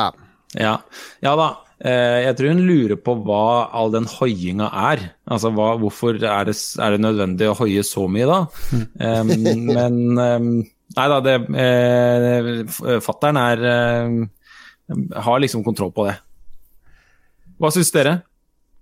Jeg syns det var kjempegøy. Det er eh, Jeg har sett noen sånne anmeldere, og alltid sånne anmeldelser, spesielt fra folk som ikke har barn, eller spiller med barn sjøl, de, de påpeker sånn at det burde være mer komplisert, og burde være mer Ja. mekanikk og sånn, og de bare går glipp av hele poenget, fordi eh, hele greia de har klart der, er å gjøre, lage en sånn balanse at det er akkurat utfordrende nok til at de barna eh, får noe å bryne seg på, og ikke har for mye valg og kaos og ting de skal sette seg inn i med powers og, og sånne ting. Det, det er en del dybde i det, men folk sier jo Det er jo inspirert av Diablo, men det skal jo ikke være Diablo, så du kan ikke kritisere det for at det ikke er gjør alt som Diablo og Path of Exile og sånn gjør. Ja. Så jeg, jeg syns det er strålende underholdning med, eller bare barna spiller med hverandre, eller med en mor eller en far. Og er du en sånn spillskeptisk eh, mamma eller pappa, da vet jeg ikke hvorfor du hører på Lolbua, men, men, men kjenner du noen som er spillskeptiske mødre eller fedre? Eh, og ser etter et spill som det, Ta og Spill dette sammen med barnet ditt, for det, her kan du som sånn spillanalfabet også klare å skjønne. Eh, så, så tror jeg Minecraft Dun Dungeons er et veldig bra spill å tipse de om hvis de har lyst, og det bør du jo hvis du skal være god forelder. Prøve å gjøre litt ting sammen med barna dine på deres premisser òg. Jeg er jo ikke tilhenger av drapssimulator-universet Minecraft, eh, men jeg, jeg hørte på en podkast at de hadde hørt noen rykter om at Lego var involvert og skulle lage noe Lego-Minecraft-spill eh, à la de her eh, Batman-Lego-spillene og alle de her der. Eh, Men så ble det et sånt her spill i stedet, da. Eh, Syns dere det minner litt om de spillene der, på noe vis? Eh, ikke Altså, du mangler det plattformelementet, som jo er veldig fremtredende i de Tailspinners de heter. De som lager disse Ja, det ligner, det er forvirrende navn. Ja. Uh, nei, det Travelers Nei, Tales jeg, heter det. jeg, jeg syns ikke det ligner, egentlig. Det er mye mer Du går og du sikter, og du slåss her. Det er jo det du, du stort sett gjør. Å plukke opp ting og utstyr. Det. Så jeg, det, er, ikke- det er ikke så mye fellesnevnere, Det. egentlig. Vi Det klipper er- bort det. det. Som har vært, eh, kan jeg komme med et poeng? Ja. I- Det jeg syns har vært innmari gøyalt med det, er jo mitt eget møte med eh, at jeg selv er full av eh, masse referanser, masse spillerfaring. Jeg, jeg skjønner liksom spillspråk. Så når jeg går inn i dette spillet, så skjønner jeg at her er det sannsynligvis en hemmelig vei. Vi skal sannsynligvis gå denne veien. Eh, det skjønner ikke en gutt på fem, eh, snart seks år. Der hvor jeg har lyst til å være liksom litt omstendelig, vi går hit og sjekker, for her er det sannsynligvis noe å hente, så har han bare eh, Han skjønner at denne landsbyen brenner. Da. Det begynner sånn kort narrativ i starten, du må inn og liksom redde en landsby som er under angrep. Den brenner. Og, og, og jeg skjønner at dette spillet venter til vi er klare til å gå videre. Det vet jeg, for jeg har spilt en million spill. Ja, ja, ja. Men han skynder seg, for det brenner. Vi må forte oss for å komme til slutten av dette her. Um, så det er liksom mitt møte med noe helt sånn herre u... Uh, uerfarent eller noe naivt som bare opplever dette. Og, og det har vært både en uh, liksom veldig fascinerende, men også ganske frustrerende. da. En fyr som, som bare løper etter alt og liksom ikke klarer å se at her ligger det en skattkiste og bare blinker. Ja. Trykk på meg, lokk opp meg, liksom. Det er jo da Jon Cato begynner, det er begynner å kjefte på ungene sine. eh, Og det er derfor du ikke kan spille sånt med dem. Men du klarer å styre det. det. Er jo, det er de Lego Star Wars-spillene. Det her er jo Fordi da, der de også skal løpe videre hele tida. Så jeg skal bare hente den der dingsen der, sånn at vi får åtte av åtte av de greiene der. Altså jeg skal hoppe opp der, så begynner de å løpe videre, og så drar de meg utfor kanten. Ikke sant? Fordi det er de som er player 1, så skjermen scroller etter de, og så er jeg bare Slutt å løpe! Stå der i ti sekunder, så jeg kan få med meg den tingen. Nei, det er ikke sunt for meg å spille de spillene med dem. Men Minecraft Dungeons, der er det ingen kjefting. Der, eh, og nå, Er det ingen kjefting? Nei, ikke med, han, eh, ikke med han elleveåringen, for han har skjønt spillspråk nå, ikke sant? Han skjønner hvor det er hemmeligheter. Så, så de Og Minecraft òg har de begge spilt, så de vet Ja. hva de, hva, hvordan ting skal se ut i Minecraft-verdenen.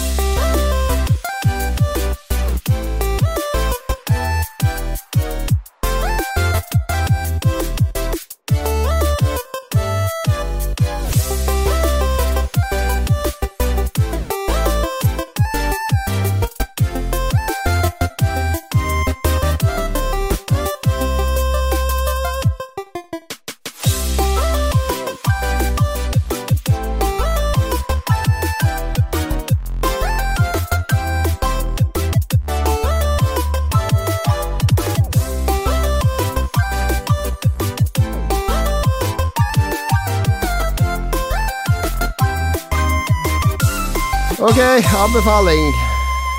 Det er også en fast spalte, og i anbefalingsspalten så anbefaler vi ting og tang og opplevelser og eh, bøker, musikk osv.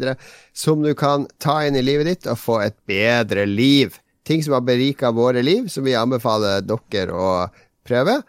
Som vil berike deres liv. Og vars, Lars, du var kjøpte klær for noen eh, uker siden, som jeg husker en episode for fire-fem ganger siden. Hva, Jeg anbefalte kanskje å kjøpe klær òg, gjorde jeg ikke det? det var, Ja, du gjorde det. Ja. Så nå, eh, er det nå? Er du, er du vokst ut av de klærne? Har du lagt på deg? Så du, for det står 'bytte klær' her. Ja, jeg kjøpte jo ganske mye. Jeg kjøpte to jakker. Den ene elsker jeg, den andre var litt mer sånn Ja, ja, ok, jeg kjøper den i tillegg. Og så har den bare hengt i skapet og liksom ikke gidda å Hva er galt med den jakken? Den er ikke kul nok. Den er ikke, den er ikke verdt 1100 Kul! Du nærmer deg 50 år, og så er ikke jakken kul nok? Nei, nei, er det nei. nei. Det er bare sånn det er. Er det, Var det kjæresten din som sa den der kan du ikke ha på deg.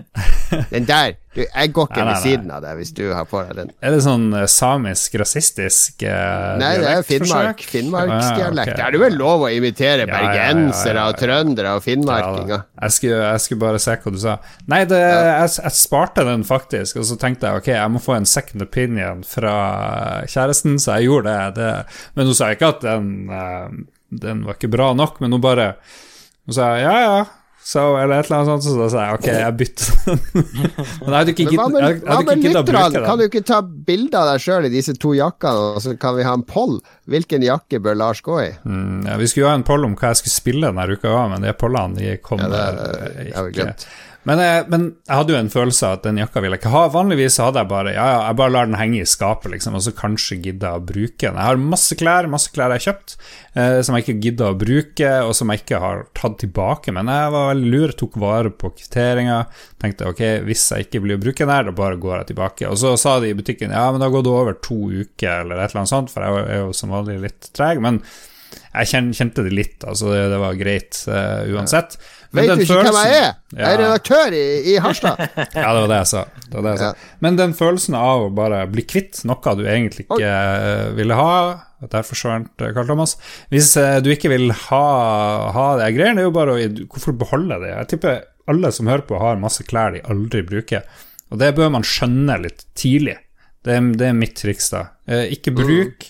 Eh, nummer én, pass, tenk, kommer du til å bruke det her? Er det her noe du blir å bruke én gang, eller kommer du til å, å elske det plagget? Litt sånn som hun der japanske dama, du må liksom ha en følelse til tingene dine, ellers så må du bare bli kvitt dem.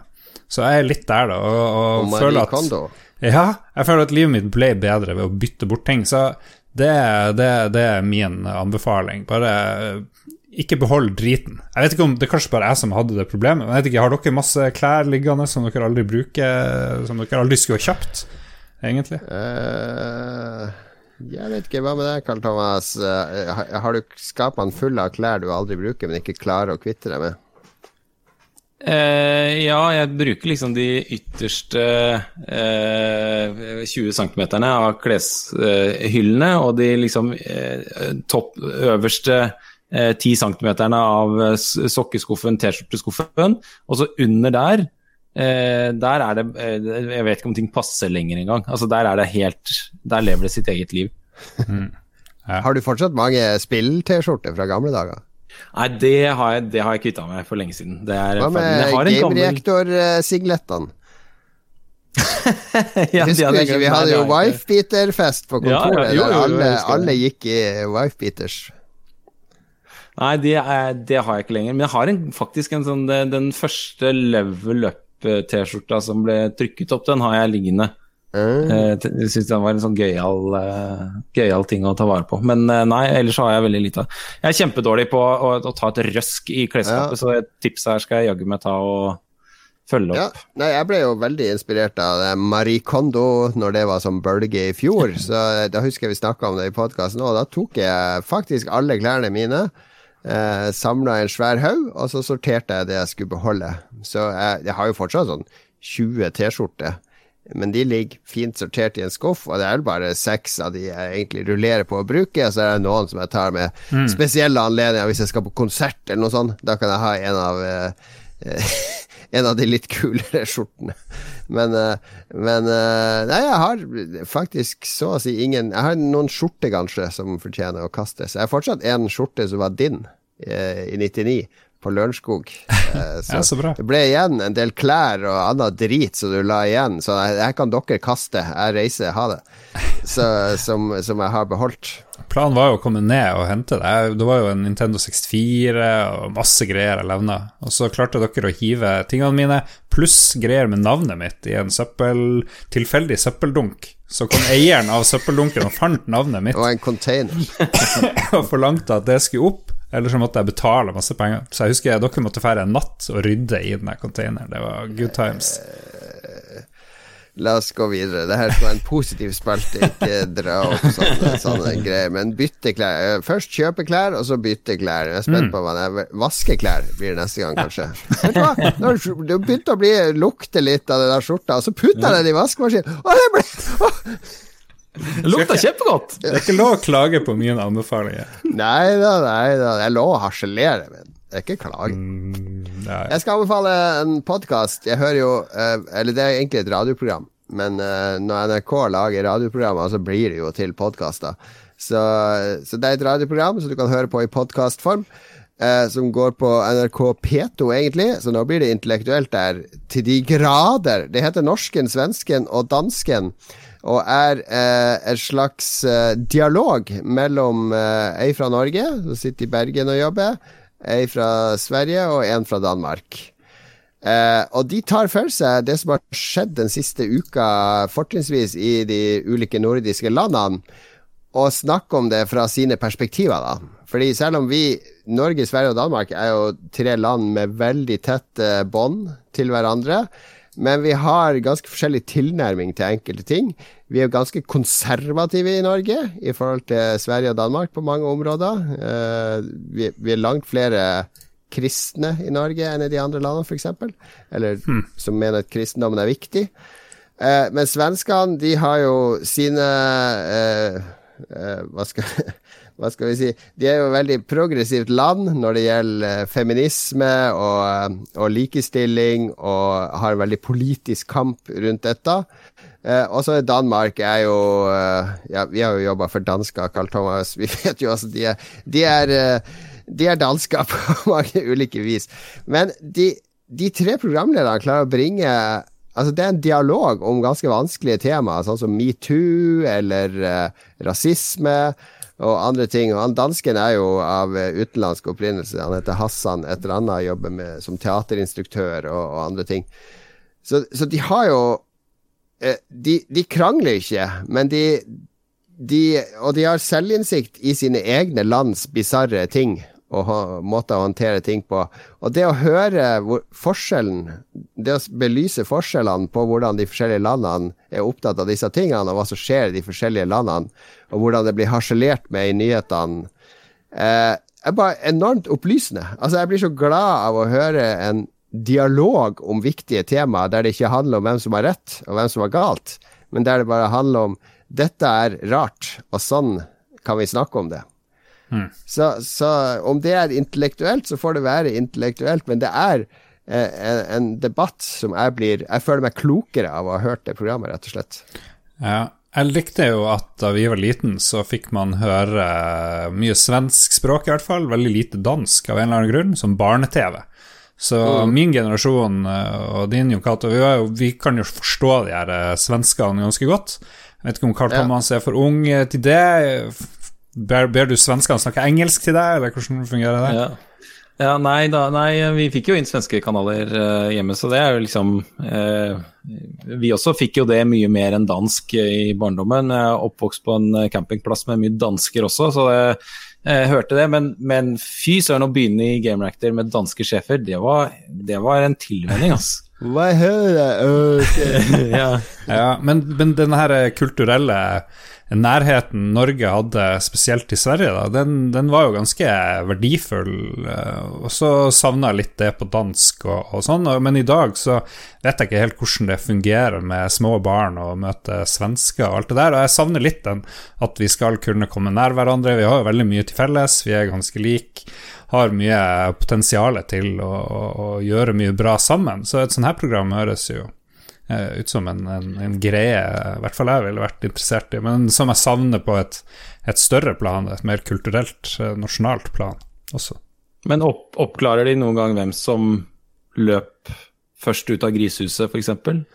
Var det dansken eller svensken, eller Nei, de gjør ikke det. De, de, de er ikke De har ikke snakka om det når jeg har hørt på. Men eh, nei, nei, sånn som nå Sist så var det jo mye om uh, ja, vi, vi, trenger ikke gå i dybden på det, men bare, bare hør noen episoder av det. Og, og, hvis du er redd for at du ikke skjønner dansk eller svensk Han dansken prater ganske sakte og med mhm. veloverveide ord, så det er ikke noe problem i å skjønne han. Det er ikke noe sinna sint mhm. danske som står og brøler til deg. Det er en meget reflektert dansk herremann som prater så vi forstår han. Da var det Carl Thomas sin anbefaling. Ja, eh, jeg har kanskje bomma litt på oppgaven her, eh, innser jeg nå. For det skal være en ting, men eh, Nei, nei, nei det, kan være hva som helst. Vi har anbefalt ja, alt mellom himmel, himmel og jord, så det går bra. Ja. Bytteklær, tannleger, Harstad, hva som helst.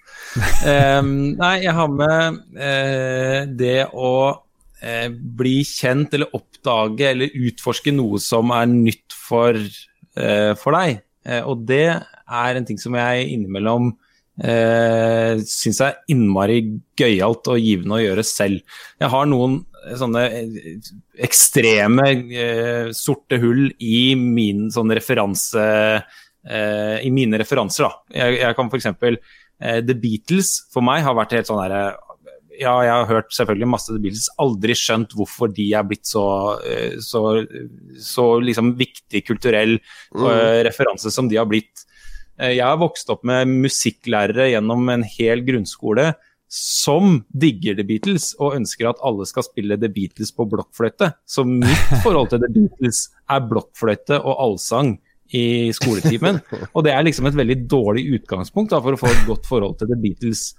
Um, sånn at uh, For noen år siden så tenkte jeg bare ok, jeg, jeg blir alltid i en sånn musikkdiskusjon, og jeg sier sånn ja, Beatles gjør ikke noe for meg, liksom. Så blir jeg sånn Ok, da er denne diskusjonen over.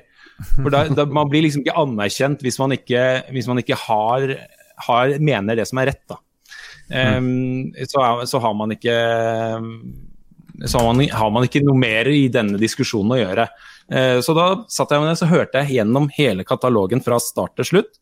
Uh, og skjønner jo mye mer hva, uh, hva Hvorfor de er den referansen og den eh, eh, kraften de har vært i musikkhistorien.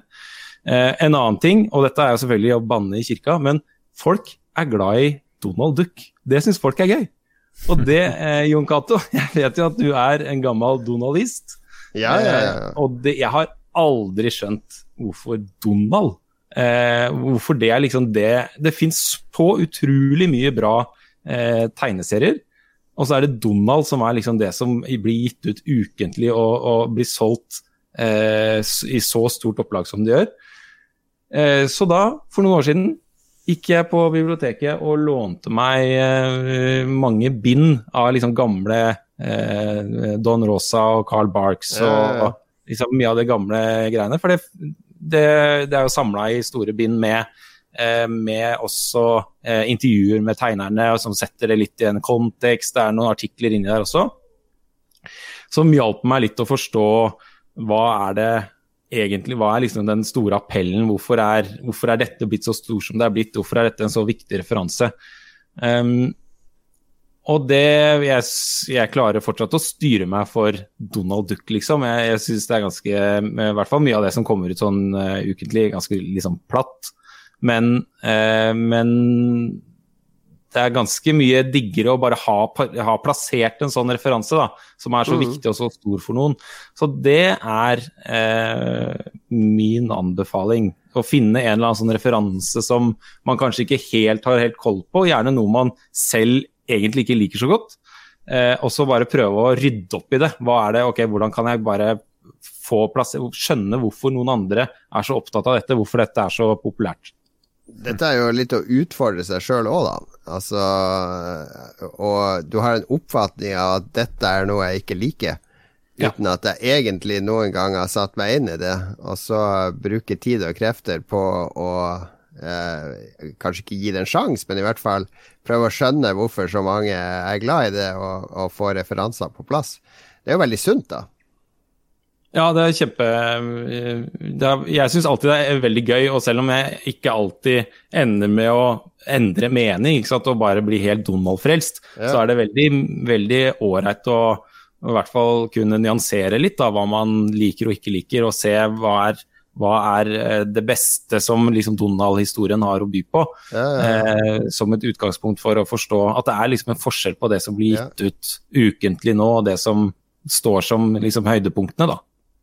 Så på en fest så er det sånn Å, heroin er så digg. Og så du bare Nei, det er, det er bare dritt. Så har du ja. ikke prøvd det. Nei, det er sant. Jeg må ut og skaffe meg referansene. Hvor mye koster det? ja. ja, helt riktig.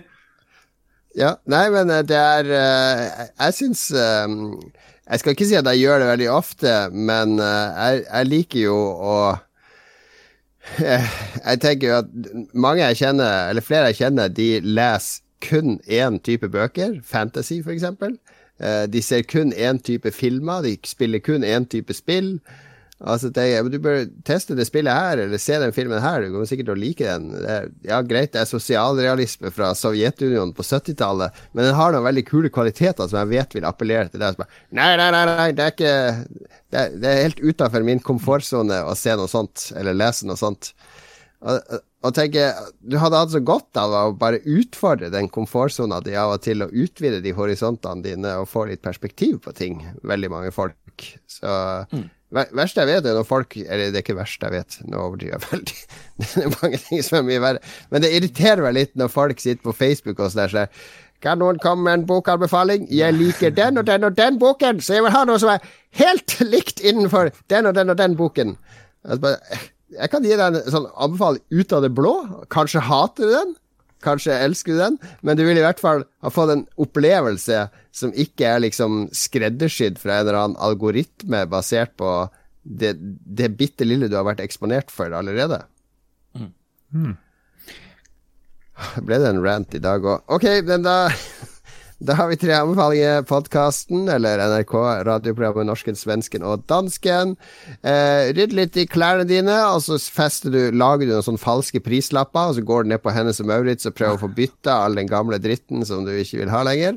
Og så finn en referanse du mangler, eller noe du ikke forstår, eller kanskje eh, har gjort deg opp en mening om uten å egentlig vite så mye om det, og prøv å sette deg litt mer inn i det. Prøv å forstå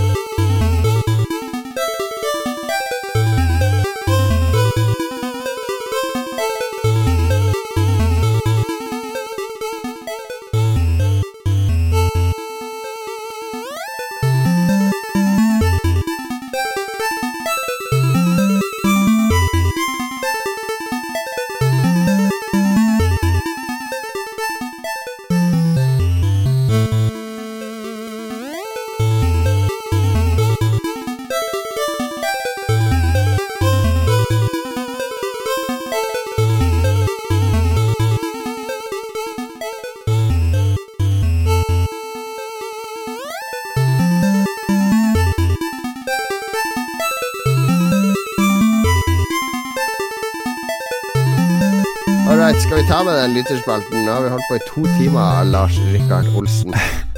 Det, det var du som ville at jeg skulle eh, be om lytterspørsmål. Ja, men det fordi jeg får dårlig samvittighet overfor lytterne. Ja, vi kan ta det kjapt. Let's do it. Let's do it. Du spurte om eh, fest og spillfest, da. Ja, lytterspalte. Jeg spurte primært om uh, spillfester, som jo er til tema i dag, og så sa jeg at de kunne slenge ut noe annet drit hvis de ikke hadde noe der. Så vi fikk en uh, fire-fem. Seks uh, responser der, yeah. en del OK. Um, Håkon Puntervold han forteller at han har vært på afterparty på retrospillmessa i fjor, hvor David Wise sammen med bandet spilte masse kjente låter fra spillverdenen, og så forklarer han hjelpsomt at eh, David Wise eh, er en sånn Nintendo eh, Rare-kar, stort sett, kanskje. Donkey Kong. Ja, han lagde musikk i mange Nintendo-spill som Rare Ja. lagde. Ja, Donkey Kong Country, Battoads osv. Og så hadde lokalet et Donkey Kong-preg over seg. Så eh, jeg tenker Jon Cato for deg, så hadde sikkert en Donkey Kong-fest, temafest, passa ganske bra i Ja, alle gikk, eh, alle gikk nakne, de hadde bare på et sånt rødt slips. Eh, Vi bare knuser på. Erik Berntsen eh, sier at eh, fester med spill som sentralt tema, tema er utrolig morsomt. Spesielt hvis man har venner som deler interessen. Og han har hosta Shit Gamed eh, en del ganger. Shitgamed, det er bra navn. Ja, hvor han setter frem ulike spillstasjoner rundt i leiligheter med nye og gamle multiplayer-spill. Golden Eye osv. Og, og Mortal Kombat og Street Fighter, det er jo aktuelt her. Og så er det drikking, da, for du skal jo ikke bli shitfaced, men du skal bli shitgamed. Og i Mario Kart så har de kjørt med drikkeregler som gjør at man må ta en shot, eh, god slurk, per runde før man får lov til å En shot per runde! passere Hvor mange løp du kjører i Mario Kart, da? Ja, ja, det, 50 sekunders runde. Ja. Er, det, er det her en idé til deg, Karl Thomas? Jeg vet ikke. Ja, det er eh, en, en runde i Street Fighter varer eh, ja, fra 10 til 30-40 sekunder. Eh, Jeg tror det blir tidlig kvelden, i hvert fall. Ja. Og Jeg husker jo vi brukte å spille eh, i gamle dager Når jeg bodde i Oslo på den lille hybelen nede på Skillebekk, eh, Lars, så hadde vi jo noen vorspiel med Super Bomberman på Super Nintendo. Fireplayer-adapter. Det var jo veldig gøy, da. Det var veldig gøy, og, og, og vi måtte drikke en slurk hvis man tapte og sånne ting. Så spilte vi Slicks, tror jeg, et eller annet sånt. eh, Bilspill, og da vår kompis ja. Torbjørn ble så provosert og sint. Jeg trodde han skulle slå oss ned eh, en gang av det her. han drev og ikke gjorde det så bra. Så kalte vi han litt sånn navn som ikke kan gjentas på lufta, for det har ikke holdt seg veldig bra. Det er jo ikke så rart at han ble sint. Skal vi se, vi kan spare resten til neste gang. Vi bare ta de her spillere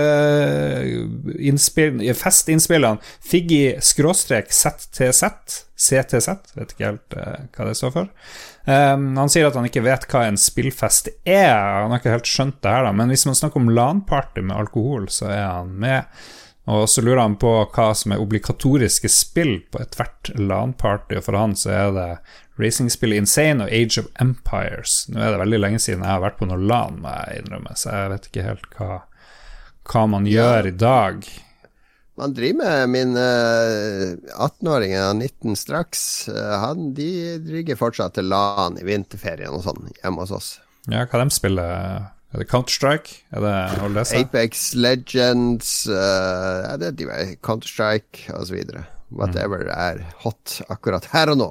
Ja. Og da kan vi eh, stenge lytterspalten for denne gangen. Så tar vi med resten neste gang. Det ble to timers maratonepisode med Carl Thomas på besøk.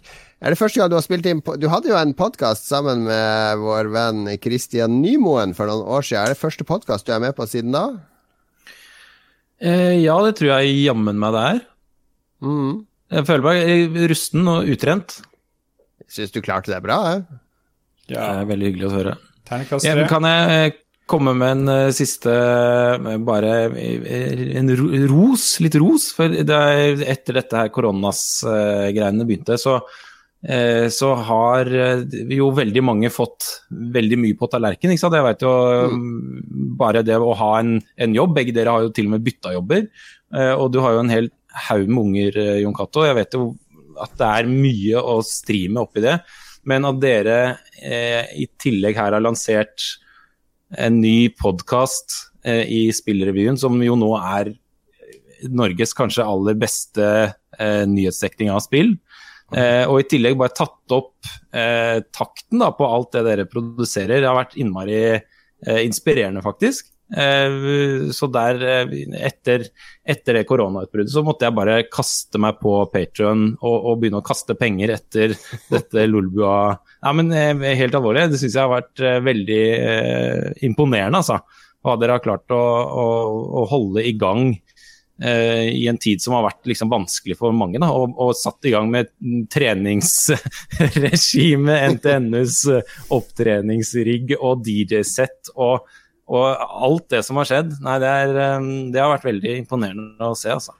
Ja, men Tusen takk for det. Det er jo veldig hyggelig å høre. Altså, Spillrevyen var jo noe vi starta fordi vi føl, følte at vi savna et sted som snakka om de viktige nyhetene, og at Viken Filmsenter ga oss muligheten til å lage den spesialserien, eh, var jo bare en artig utfordring for oss. Så jeg blir i hvert fall mer kreativ i disse når det er sånn krisetider. Jeg vet ikke om det er noe galt med åssen det er skrudd sammen, men sånn er det Ja. bare. Nei, men tusen takk. Eh, Jeg ser i chatten på Twitch, der er det gjerne mer Carl Thomas, eh, sies det. Oh, Så, ja. Så hyggelig. don't call it a comeback. Det er kona mi, kona mi som har fått en frikveld, liksom, som sitter oppe og lobber for meg. Morsomt. All right, vi avslutter der. Som Karl Thomas sier, så lager vi altså Spillrevyen. Det kommer hver mandag. Og så kommer det Spillrevyen spesial to episoder til. De kommer på fredager. Eh, onsdager så kommer det Lolbua. Og nå, førstkommende fredag, så kommer det faktisk også den helt nye podkasten som er laga av våre redaksjonsmedlemmer Ståle, Christian og eh, Dag Thomas. Der tror jeg jeg og Lars er mer spent enn dere, strengt tatt. Ja. Så kommer det òg en spesialutgave av Spillrevyen på fredag. Vi må takke alle som støtter oss på Patrion, inkludert Carl Thomas. Tusen takk. Og så må vi takke produsentene våre. Eh, har du oversikt over dem, eh, Carl Thomas? Er det Anne-Beth? Ja da. Yeah. Er det MPPTMX? Yes. Er det nærme nok? Ja, det var ganske, Eh, mange, mange bokstaver var rett. Det er en som er oppkalt etter Håkon. Trud, eh, Trudstang eh, Apenes eh, Lervik. Er det riktig? Rolf, Rolf Helge. Ja. Ja, Ja. Rolf Helge Øvergård Ingebrigtsen, han er med. ja, det var han Det var det jeg sa. Ja, ja. Eh, Og så er det han som er også- oppkalt etter en slange. En giftslange. Kobrakar! Kobrakar! Ja, ding, ding, ding. Veldig bra. Tusen takk for at du øh, hører på. Tusen takk for at du tok deg tid til å være med stressende hjem fra hytta for å kaste deg Ja, på ja. podkast, Carl Thomas. Det var veldig hyggelig å være her. Og masse lykke til med sommerfesten. En uke ikke Det kan være at jeg dukker opp når du minst venter det. det har, du har gjesterom til meg, da. Ja, eh, det spørs. Det kan hende det dukker opp. Vi får si som uh, eh, Lars Rikard her. Vi får se.